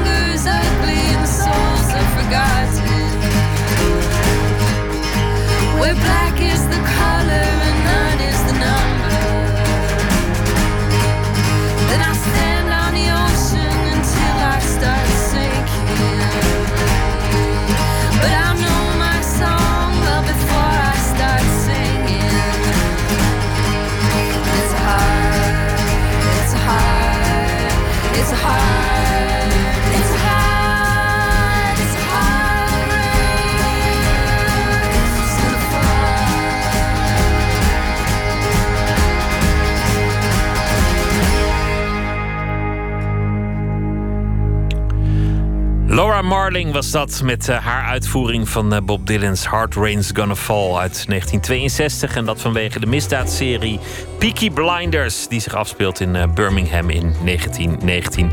Zometeen kunt u luisteren naar een sessie die we eerder opnamen met Douwe Bob, die drie liedjes voor ons heeft gezongen. En regisseur Nina de La Parra komt op bezoek om te vertellen over haar voorstelling Kaap Fury. En een verhaal van Katelijn Schilder bij de voorbije dag. Twitter, het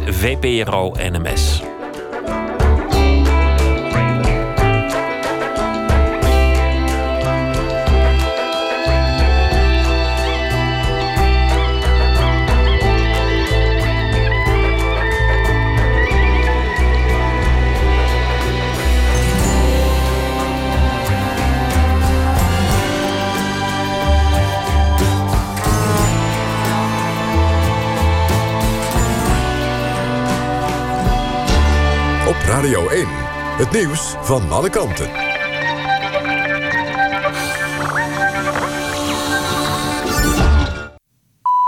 1 uur, Michel Koenen met het NOS-journaal.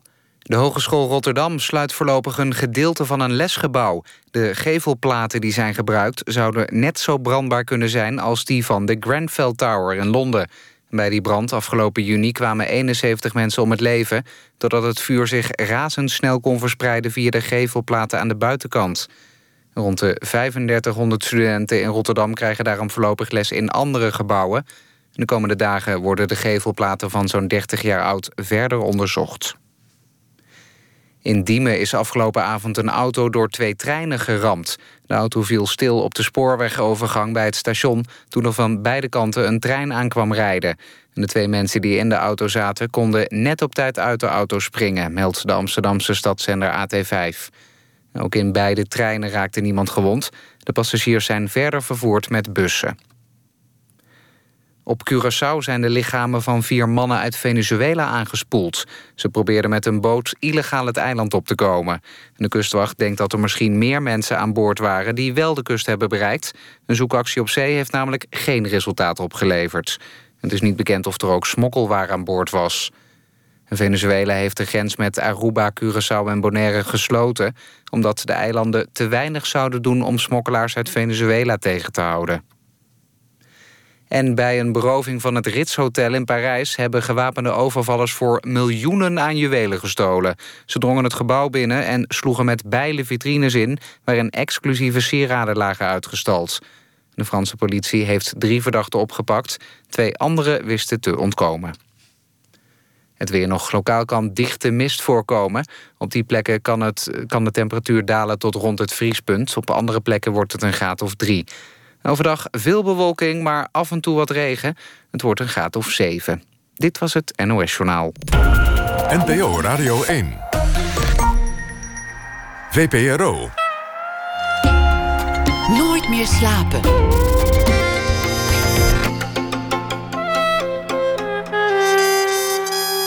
Met Pieter van der Wielen. Zometeen eh, regisseur Nina de la Parra over haar eh, voorstelling Kaap Fury. En Douwe Bob die eh, heeft eerder een sessie met ons opgenomen...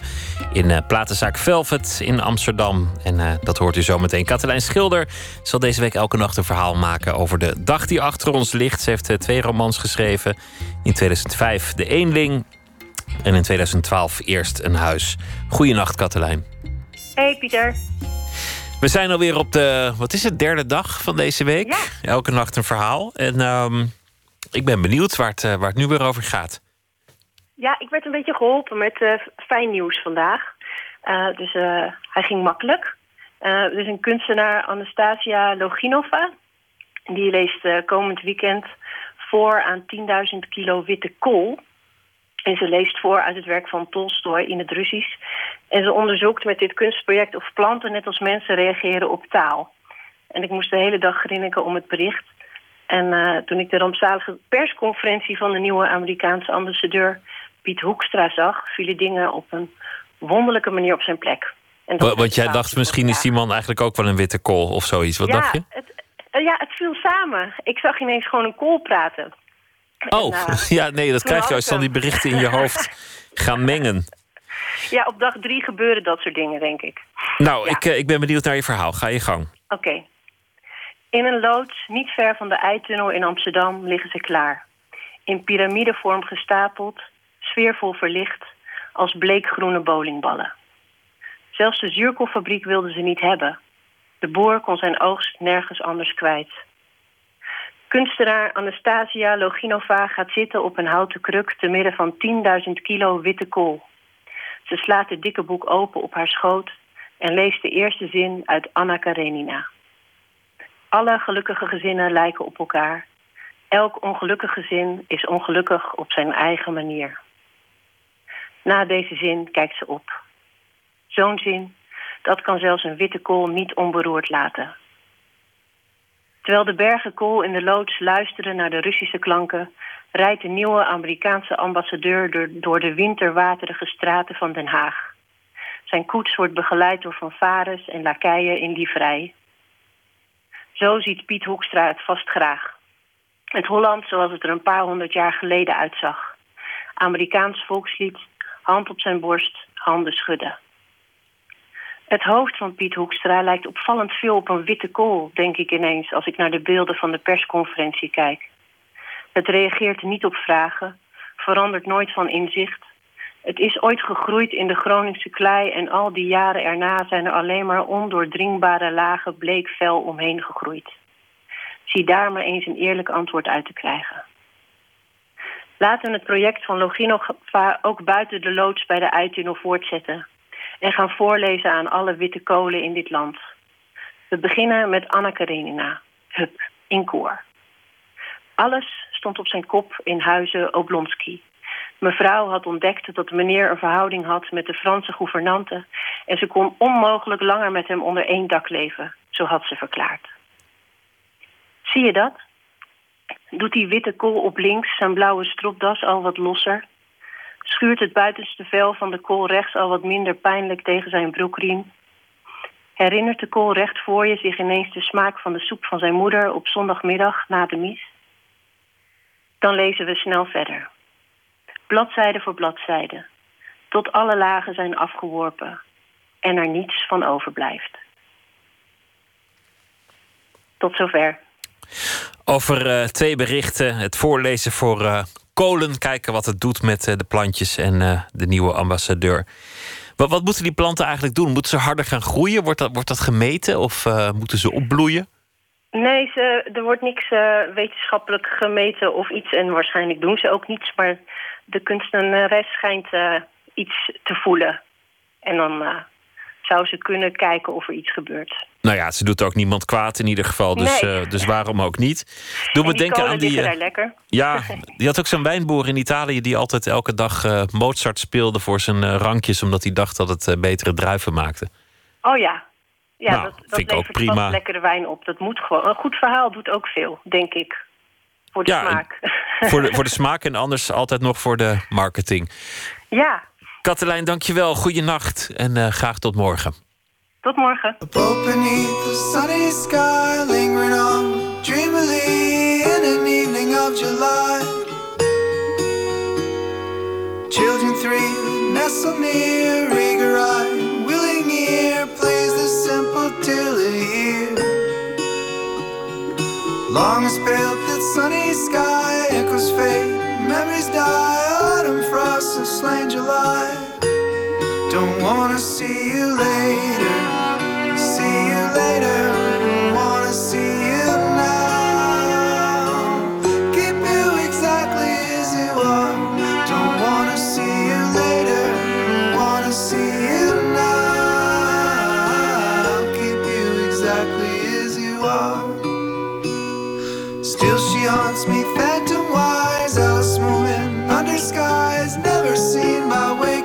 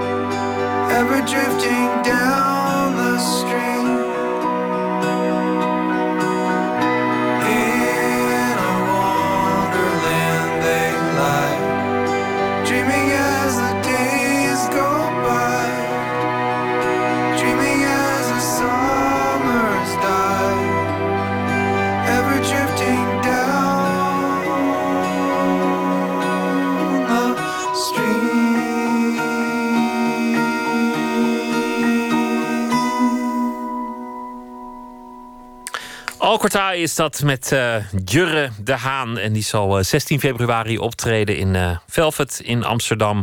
Voor een eh, opnamesessie voor dit eh, programma.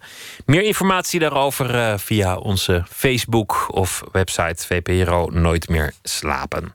En dit nummer heet eh, A Boat Beneath a Sunny Sky.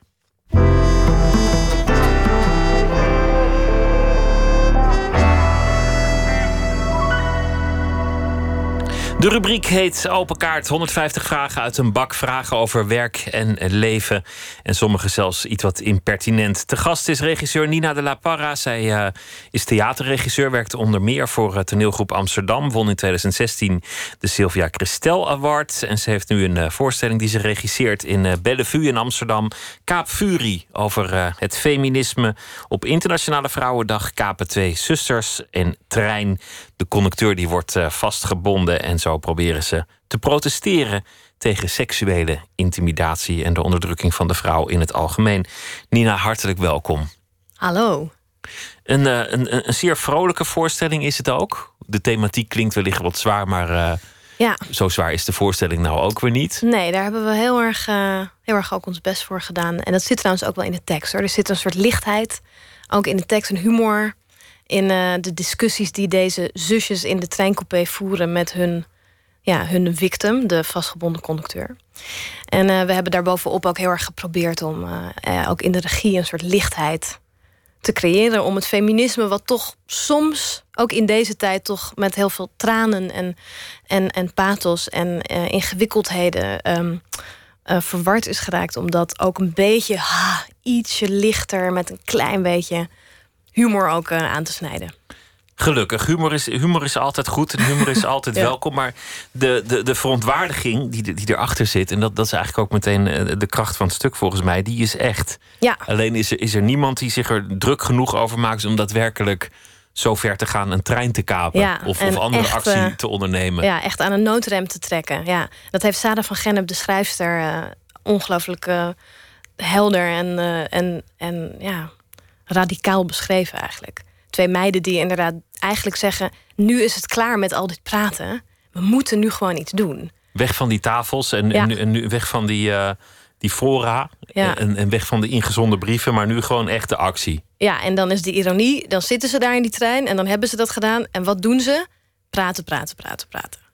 En dat vind ik het ontzettend geestige aan het stuk ook. En het onderling oneens raken, omdat. Uh, ja, ze allebei ook een andere kant van het feminisme vertegenwoordigen. Absoluut, ja. De timing is fantastisch, want het, het, het, gaat de hele dag over MeToo. En uh, ja. je kan geen krant openslaan of, of de ingezonde brieven. Ja, ongelooflijk hè? over elkaar. Ja, dit, was, dit hele stuk is, was al lang klaar voordat dit uh, was al lang klaargeschreven door Sarah van Gennem. Voordat de hele MeToo-discussies losgebarst. Dus het is echt een toeval.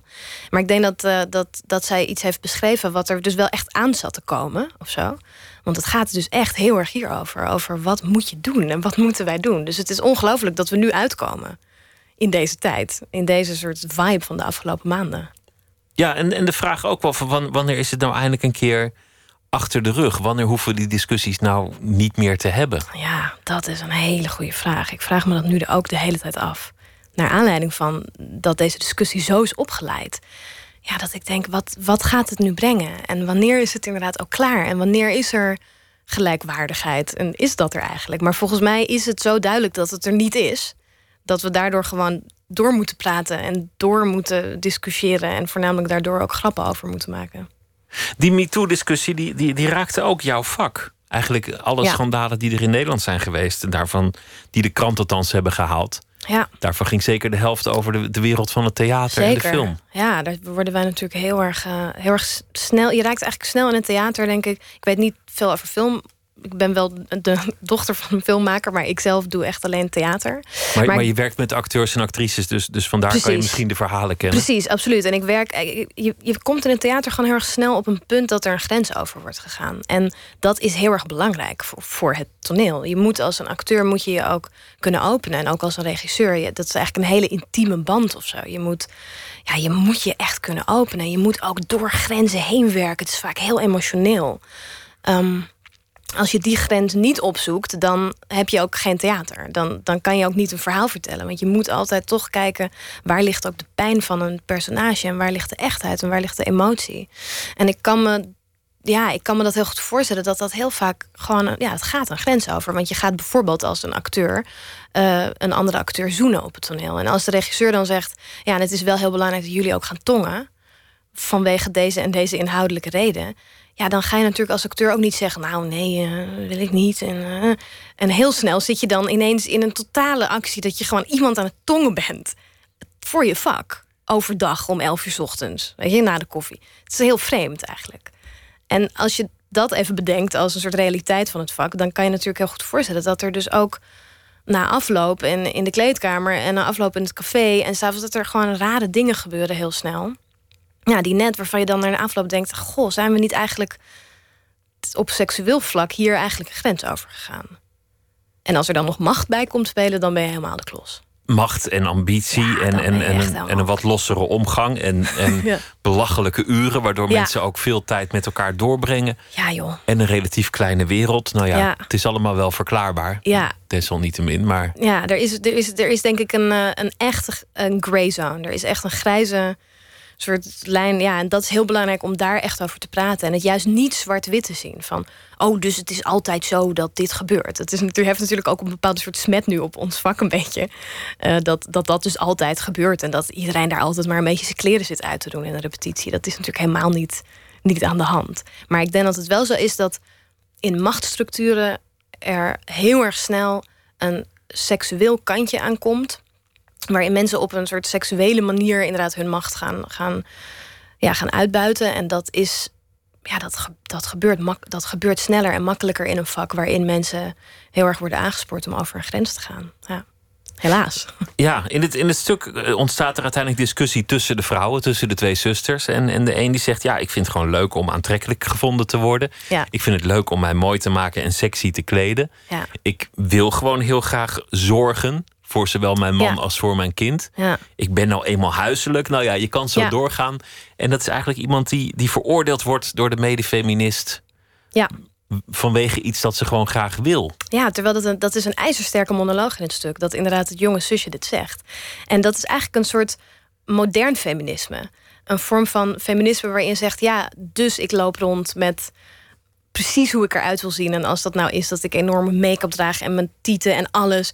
Waarom mag dat niet? Waarom kan ik niet dat zijn en staan voor gelijkwaardigheid tussen mannen en vrouwen? En dat vind ik een hele goede vraag.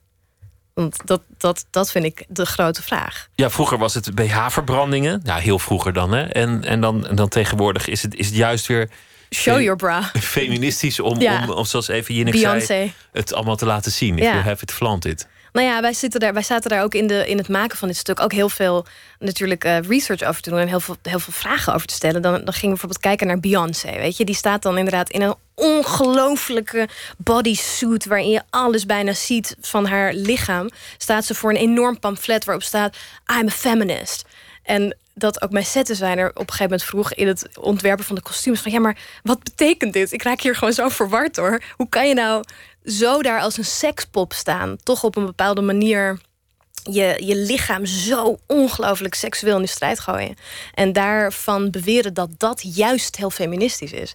Nou ja, ik, ik, vind- ik voel er wel iets voor. Ik vind het, wel ik vind het eigenlijk een heel interessant ding. Ik eh, verwerp het ook helemaal niet.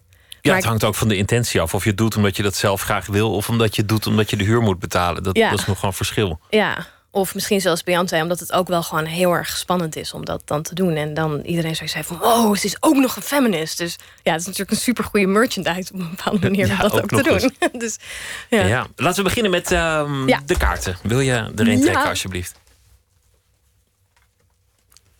Oh jezus, hoe zou je het liefst sterven? Nou, goedemiddag. Goeienacht. Jesus Christ, wat een duistere vraag. Heb je, Ehm, heb je er ooit over nagedacht? Ja, ja, de dood is wel een, de dood is wel een aanwezig thema in mijn leven. Ja. Mijn broer die heeft zelfmoord gepleegd toen ik 15 was. Dus de dood heeft mij eigenlijk wel, ja, daar natuurlijk juist, het is wel een van de grote vragen van het leven. Van, eh, Hoe oud was jij toen? ik was 15, Jij was 15. mijn broer was 35. Oké. Ja. Dus hoe zou je het liefst sterven? Ja, Jezus. Ehm, omdat je natuurlijk dan altijd als, als, als zelfmoord zeg maar, in je leven is gekomen. Hè? In, in, omdat een van je dierbaren dat heeft gedaan. Dan vraag je eigenlijk altijd af...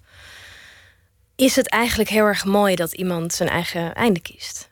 Is dat eigenlijk mooier op een bepaalde manier? Omdat je namelijk het zelf in de hand hebt... dan als je dus wordt geschept door een auto. Weet je, want dat zou misschien ook mijn, mijn soort impuls zijn om te zeggen... ja, dat je het echt niet voelt, dat het echt heel kort is. Dat je het gewoon niet voelt, dat je eigenlijk niet weet wat er gebeurt. Bam, klaar. Op straat, douche, paf. Ben je er maar vanaf, ben je er niet bij. Ja. Of is het juist heel mooi om. eh, sommige mensen zeggen dat bijvoorbeeld verdrinken of zo. Dat schijnt heel soort mooie soort ding te zijn dat je eigenlijk geen pijn aan verbonden is. Dus je wil natuurlijk eigenlijk nooit pijn hebben. Maar ik zou toch wel graag, als het dan eh, er toch aan zit te komen, ik, ja, je, je wil toch het liefst weinig pijn lijden. Dus ik denk, pats, één keer klats. Door een auto of door een paf. Als het dan moet. Maar dat dan liefst wel op hoge leeftijd na een, eh, een, een zeer rijk leven. Waarin Dat- je alles hebt gedaan wat je, wat je voor ogen had. Ja, ja, ja, dat wil je natuurlijk altijd heel erg graag. Maar ik vind het ook altijd heel erg gevaarlijk om dat soort wensen uit te spreken. Omdat je denkt, ja, maar je hebt het toch ook gewoon niet in de hand. Dus je kan wel ontzettend gaan zitten hopen op het leven waarvan je denkt dat je er recht op hebt. Ja, ik wil een lang leven en ik wil kinderen en ik wil dit. Ja, ja, don't we all, weet je. Ja, je hebt het niet voor te zeggen. Je weet Nee. het niet, hoe je gaat. Trek nog een kaart. Hoe, jezus, hoe wil je dat mensen zich jou herinneren? nou, dat gaat wel lekker Het vandaag. gaat wel lekker in deze richting. Ehm, ehm, ehm, als iemand die oprecht is geweest. Dat is denk ik het belangrijkste voor mij. En wat is oprecht? Nou, dat je op een manier leeft die niet verlogent wie je bent. Dus dat je, ehm, en dat je durft eerlijk te zijn ook over je. Misschien ook over je zwakheden en over je emotie en over hoe je je voelt en over wie je bent. Dus als je een mens bent zoals ik, die eigenlijk heel erg ook heel gepassioneerd is, ook over toneel en over bepaalde dingen, waardoor misschien andere dingen soms een beetje aan de zijlijn raken, dat ik, nou ja, dat ik daar wel eerlijk ook naar mijn familie en naar mijn vrienden en naar iedereen in mijn leven en mijn relaties eigenlijk en oprecht daar, daarin wil staan. En zeggen, er is nog een andere passie in mijn leven. Maar ik ben daar wel heel eerlijk over.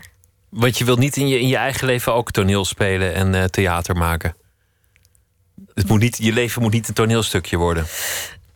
Nee, nee, dat vind ik heel belangrijk. Want je, je raakt inderdaad door dit vak wat we doen, raak je heel erg snel. Je verliest je soms in je eigen verhalen en je verlies je in het verhalen vertellen. Want we zijn verhalenvertellers als theatermakers. En ik heb ook mijn eigen eh, muziek-comedy-programma. Daarin schrijf ik mijn eigen liedjes en vertel ik ook hele persoonlijke verhalen. En soms verlies je jezelf in een soort het belang van verhalen vertellen voor een soort enorme groep mensen.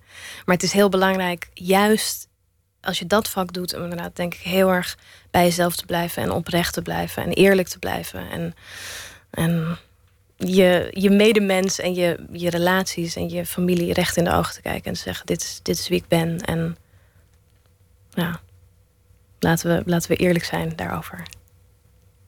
Neem nog een kaart als je wil. Oeh, dit is heel leuk. Dit heeft met een stuk te maken. Heb je ooit een heldendaad verricht?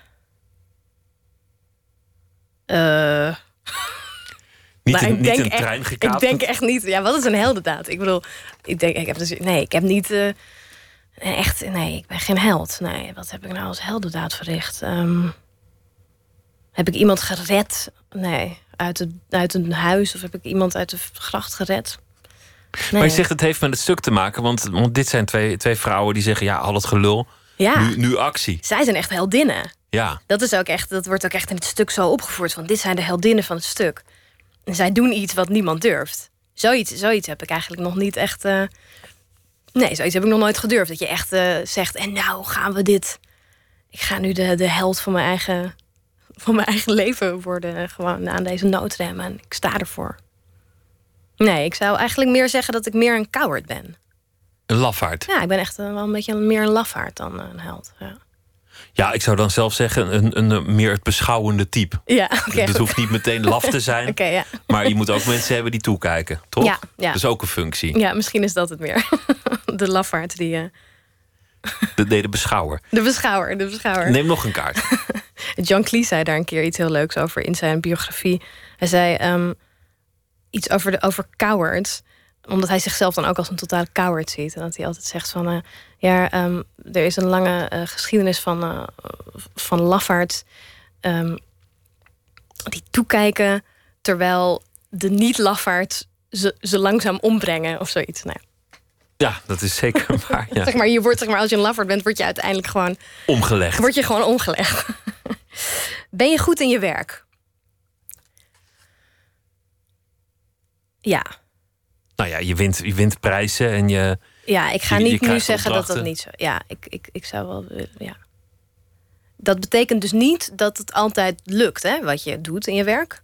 Dat betekent ook juist dat je ook dus gewoon op je bek gaat... en dat dingen mislukken. En dat betekent het ook. Maar het betekent wel dat je gewoon toch altijd weer doorgaat... en toch altijd weer een verhaal vindt. En toch altijd weer een soort verbinding vindt met, met een publiek... of met acteurs of met een tekst. En, ja.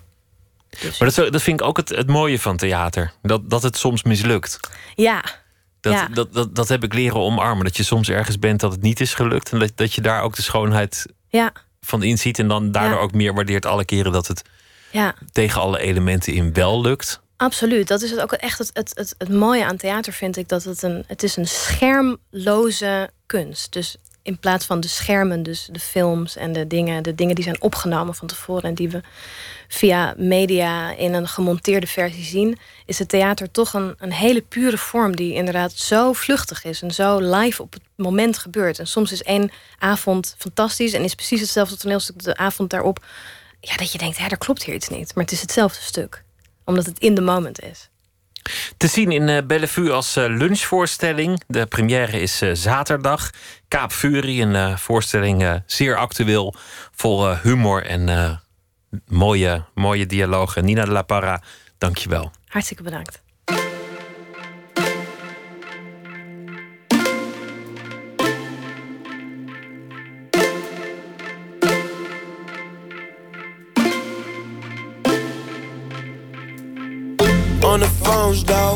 Waves about you. Coming home soon, ring it first, I got to. Hope the time is right, hope you wait tonight up for me. Hope you get some love for me. You barely got trust for me, oh. You know that my love, not for sure. You know that my mugs hit your soul. And if it's not the door, know your love will be gone, yeah. I know your love will be gone, yeah. Get you right, I'm gonna get you righteous. Get you right, I'm gonna get you righteous. Won't try to fight, I know you like. I know you like. Won't try to fight, nah, yeah. Get you right, I'm gonna get you righteous. Get you right, I'm gonna get you righteous. Don't try to fight, I know you like. I know you like, yeah. Don't try to fight, fight, fight. That was the wavy part. That was the way she thought. That was the crazy thing. Surfing all kind of ways, searching all kind of things. No more kryptonite. Lay you down to right. Yeah, yeah. Better than the other things. Better than the other things. Dancing like you do. Hands up, say don't move. Hey, hey. It's like the role you play. Yeah, I'm just trying to get it right. Cause I don't got no time for bad nights. We are way too much, really we don't get no fucks. We on the road, we only chill out the road. Then let's get back to the road, yeah. Back to the boat, gotta get back on your toes, yeah. Back to the hotel living, back to the real life feeling. We stuck up on a mission, though. Find the past and fix it, though. Hundred on the dash, and when we go, we only looking for. Trying to find your love, yeah, I'm looking for. Looking for I might find you. Gotta get right in time, too. Get you right, I'm gonna get you righteous. Get you right, I'm gonna get you righteous. Don't try to fight, I know you lie. Won't try to fight, won't try to fight. Oh yeah, get you right, I'm gonna get you righteous. Get you right. I'm gonna get you righteous. Gonna try to fight, I know you lie. I know you lie. Won't try to fight, fight, fight, yeah. Oh yeah. Gonna get you right.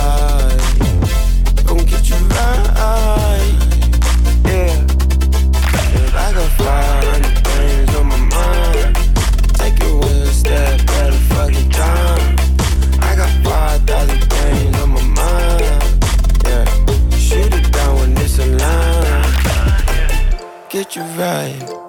Get you right. Get you right. Gonna get you right.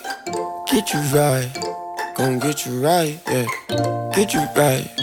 Gonna get you right. Get you right. Jimny, een eh, producer uit Brooklyn met een eh, rapper uit Atlanta, Zaya, en het nummer heet Right. Eén minuut, deze is gemaakt door Jennifer Patterson en heet Stilte. Pst, Als ik mijn dochter van één door onze buurt in Amsterdam duw, langs de Febo, de bouwput, de trams en de winkels, en uiteindelijk in het park aankom, voel ik me vaak verplicht om daar lang te blijven, zodat de drukte in haar hoofd weer weg kan zakken.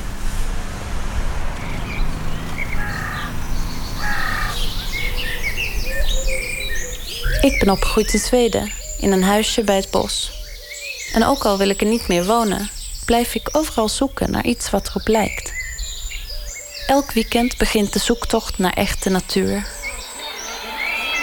Maar bossen en parken zitten bomvol mensen. En vaak is er een festival of een sportevenement. Zelfs thuis is de rust ver te zoeken. Daar zorgen we zelf wel voor. Stilte is een luxe die hier niet te verkrijgen is.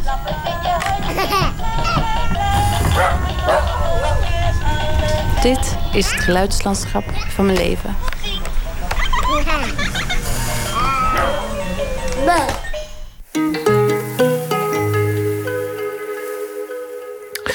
Bollywood is bij de meeste mensen wel eh, bekend. En Hollywood natuurlijk ook. Maar er is ook nog Nollywood. De Afrikaanse cinema is in opmars.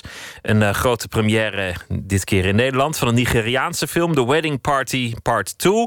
En eh, dat is eigenlijk de eerste grote Nollywood film... die in Nederland in de bioscoop te zien is. Maar velen zullen volgen als de berichten kloppen. En aan de telefoon Nancy Essa, ondernemer. Zij haalde die film naar Nederland. Goeienacht. Goedenacht. Vertel Hallo. eens, vertel eens in het korte over The Wedding Party 2. Nou, The Wedding Party 2 is een, ehm, eigenlijk een romcom. Eh, en het eh, speelt zich af eigenlijk eh, in drie werelddelen. In, ehm, in Europa, in Dubai en in het Midden-Oosten. Sorry, ja, wat was het? Eh, de UK, Engeland, Dubai en ehm, Lagos in Nigeria.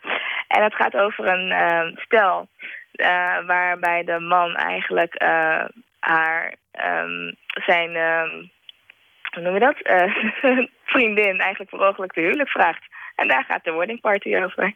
Twee. Klinkt inderdaad als een, een, een romantische film. Waarin, wat, hoe zou je Nollywood omschrijven? Is, kun, kun je daar typeringen van geven zoals je dat bij Bollywood wel zou kunnen?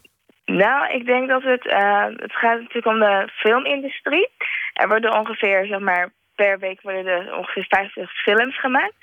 En eh, dat is al, zeg maar, een, big deal. En vandaar ook echt de naam Nollywood. En... ehm, en dat het eigenlijk ook, eh, wat zo typerend maakt, echt Nollywood, is dat het, ehm, het is gewoon, ja, altijd heel gezellig en vrolijk.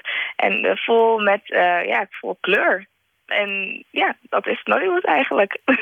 Een feestelijke, feestelijke vorm van, eh, van cinema. Ja. Jij hebt die film naar, naar Nederland gehaald. Hoe, hoe gaat zoiets in zijn werk? Hoe, hoe kwam jij met die film in aanraking en, en wanneer bedacht je... dit zou in Nederland moeten werken?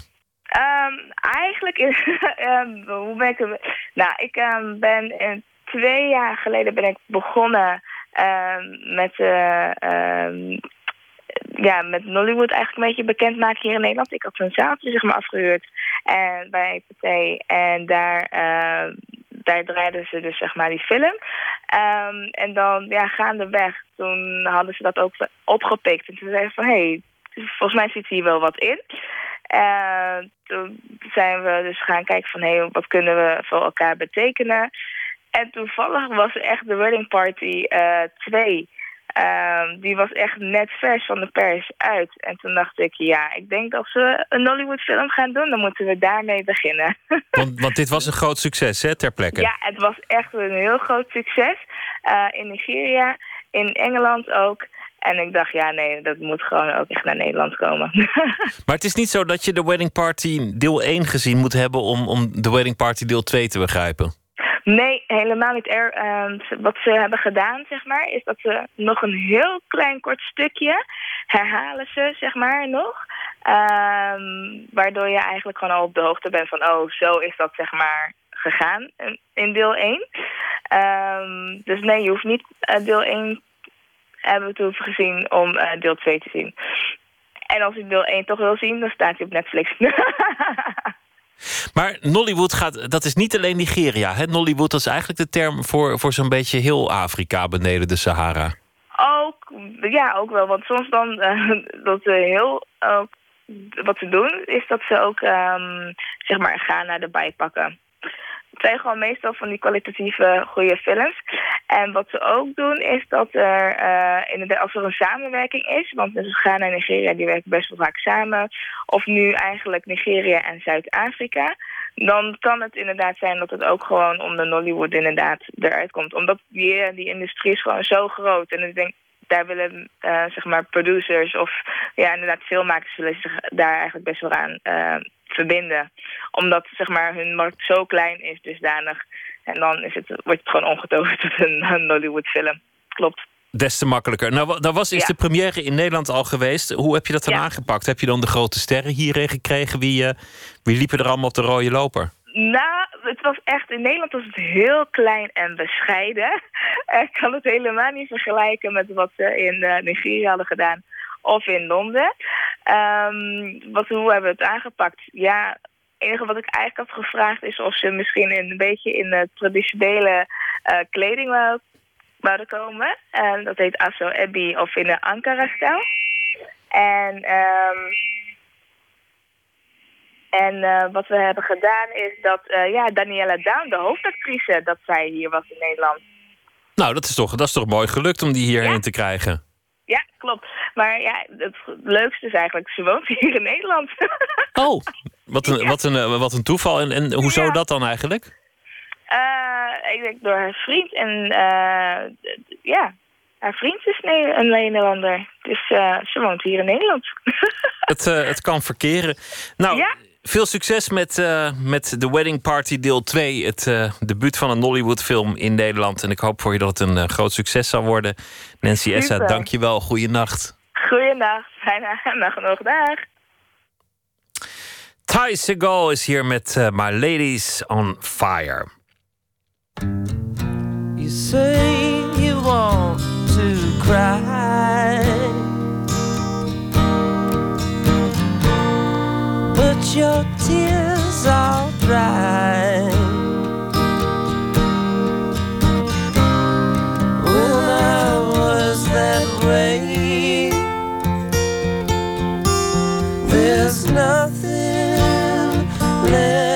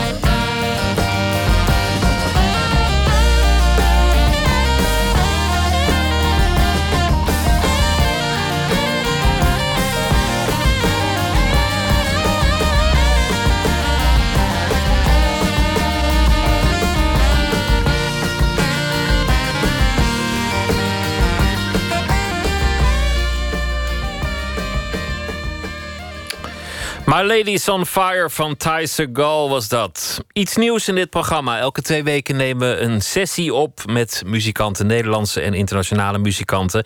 En dat doen we in Amsterdam in uh, platenwinkel Velvet. De eerste sessie stond gepland met Son Little, een uh, blueszanger uit uh, New York. Maar die stond in de grootmoeder aller files bij Antwerpen en moest het laten afweten. Gelukkig kwam niemand minder dan Douwe Bob even spontaan langs. Als een kleine onderbreking van de kroegentocht die die middag uh, plaats had. En op een geleende gitaar was hij zo aardig om drie liedjes te spelen. En die mochten wij opnemen. Maar dat klinkt misschien wat rommelig als introductie, want hij was in zeer goede vorm. Hier is Douwe Bob.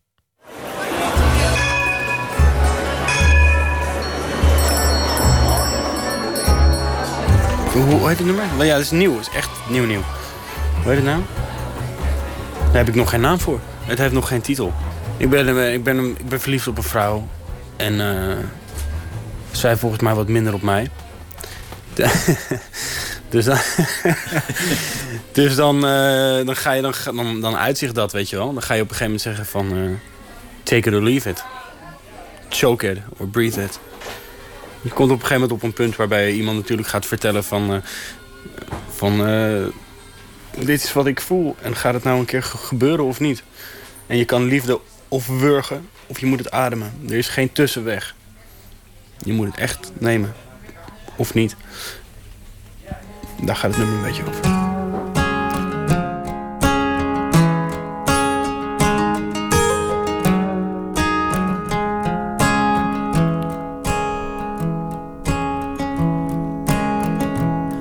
I can see you don't mind me changing, but it's your need to change your mind. I feel as if we're running out of time. Well, I know you have expectations. But you know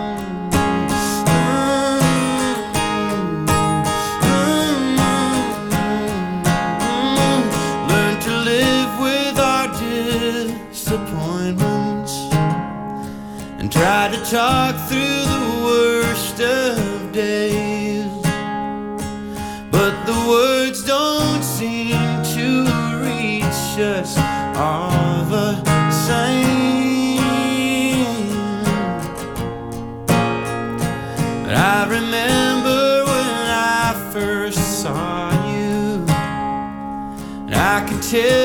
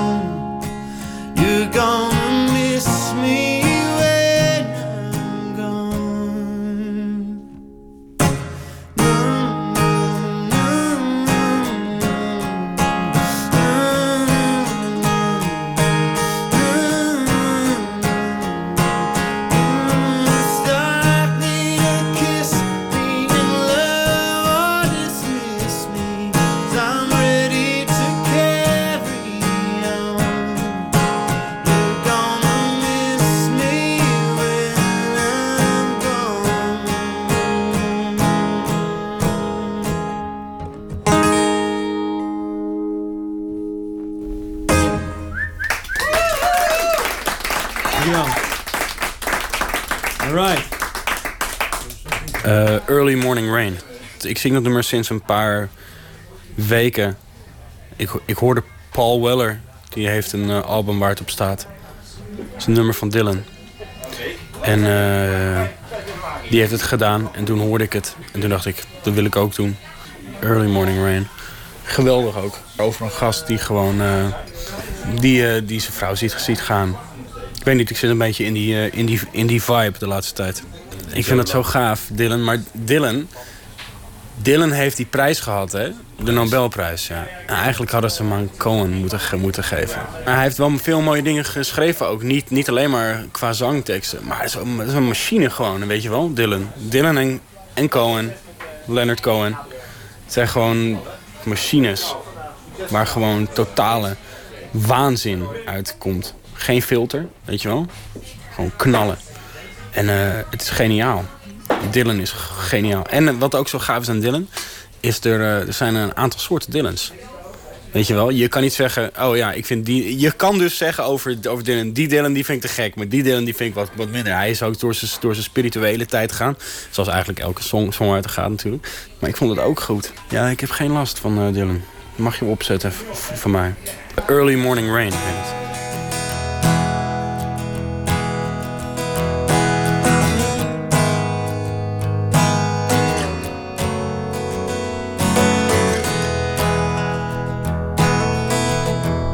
In the early morning rain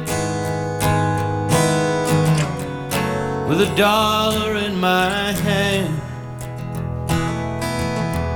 and an ache in my heart.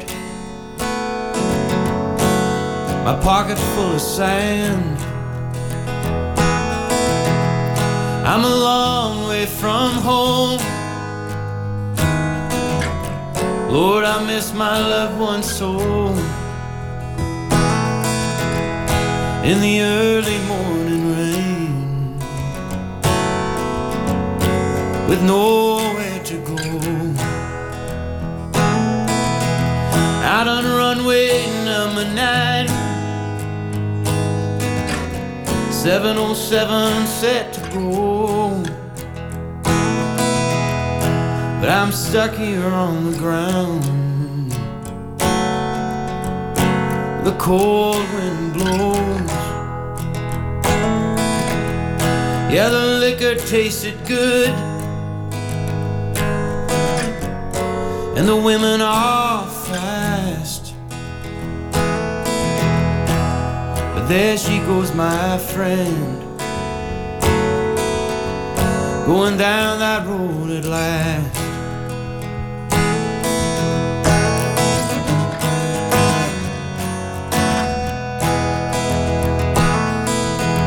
This old airport's got me down. It's no earthly good to me. Cause I'm stuck here on the ground. Cold and drunk as I can be. You can't jump a jet plane like you can a freight train. So I best be on my way in the early morning rain.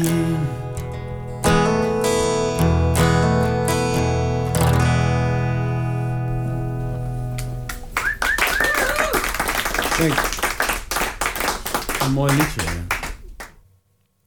Douwe Bob was dat bij de Nooit meer slapen sessie. Eens in de twee weken op vrijdagmiddag aan de Roosgracht in Amsterdam. Voor de programmering kijk op vpro.nl slash nooit meer slapen. Poëzie nu van eh, dichter Runa Svetlikova. En eh, in februari komt er een nieuwe bundel. 23 tips om de hond en je demonen aan de lijn te houden. En dit gedicht eh, heeft ze voorgedragen. Vermijd het nieuws op dagen die kapot zijn.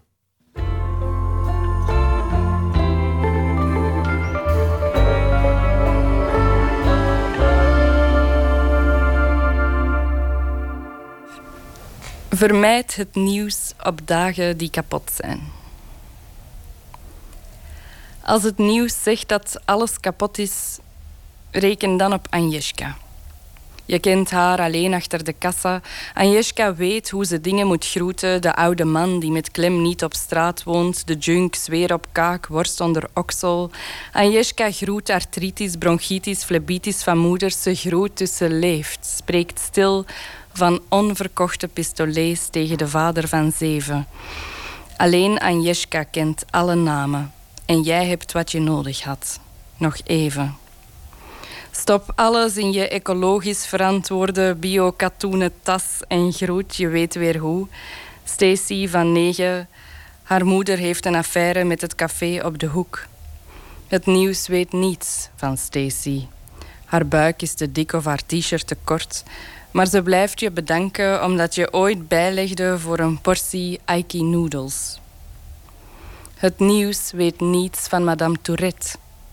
Lange jas, korte stok, opvallend grote voeten waarnaar je vriendelijk knikt. Ze blaft doorgaans wat onverstaanbaars. Het nieuws weet niets van haar scheve glimlach die spreekt en je zomaar zinloos elke misdaad die je nooit beging vergeeft. S'morgens vroeg zet mijn lief graag de radio op.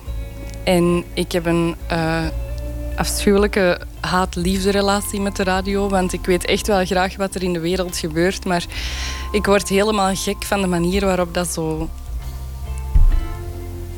ongefilterd in u ge, gedruppeld wordt zonder dat je daar eigenlijk iets tegen kunt doen.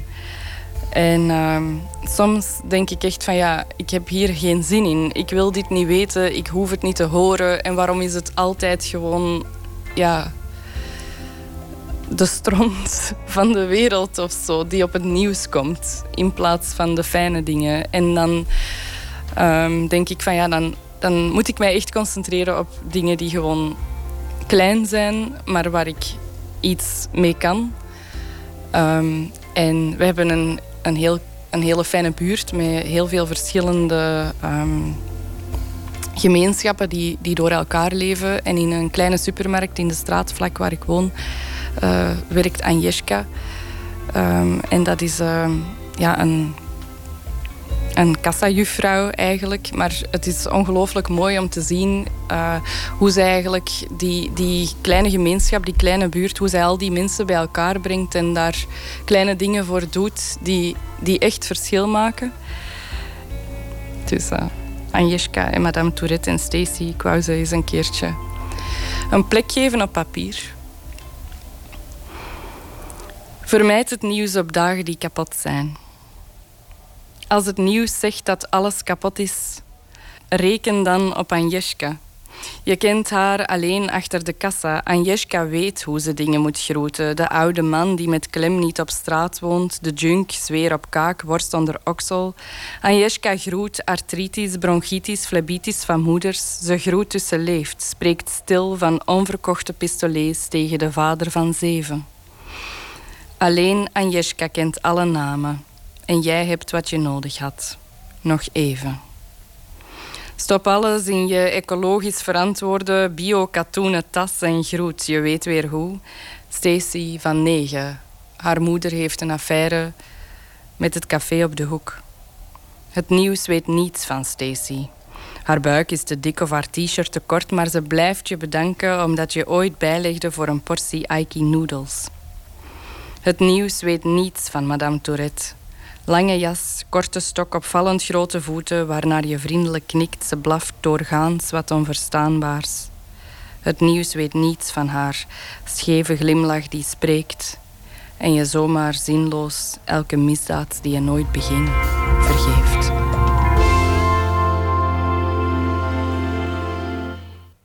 Runa Svetlikova was dat met Vermijd het nieuws op dagen die kapot zijn. Muziek uit eh, Frankrijk, heuse fluisterpop van het eh, project eh, Her. En het nummer heet Two.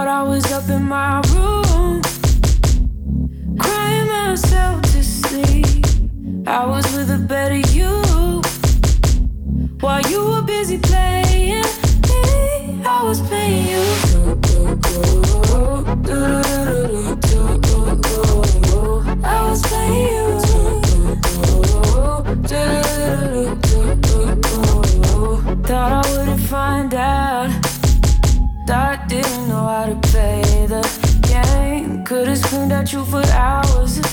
Instead, I was screaming somebody else's name. There are no rules.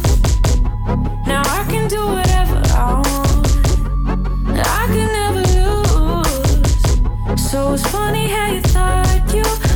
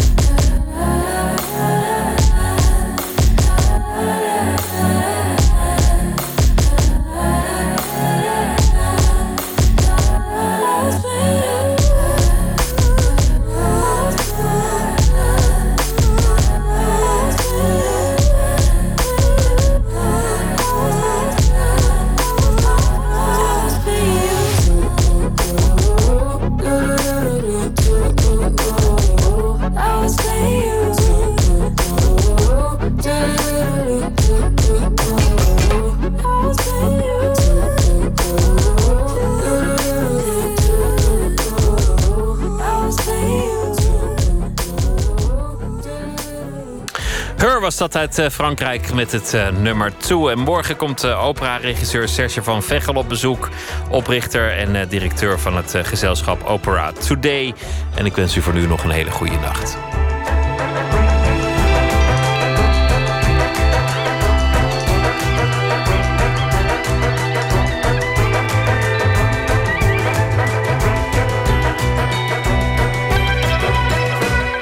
Op Radio 1, het nieuws van alle kanten.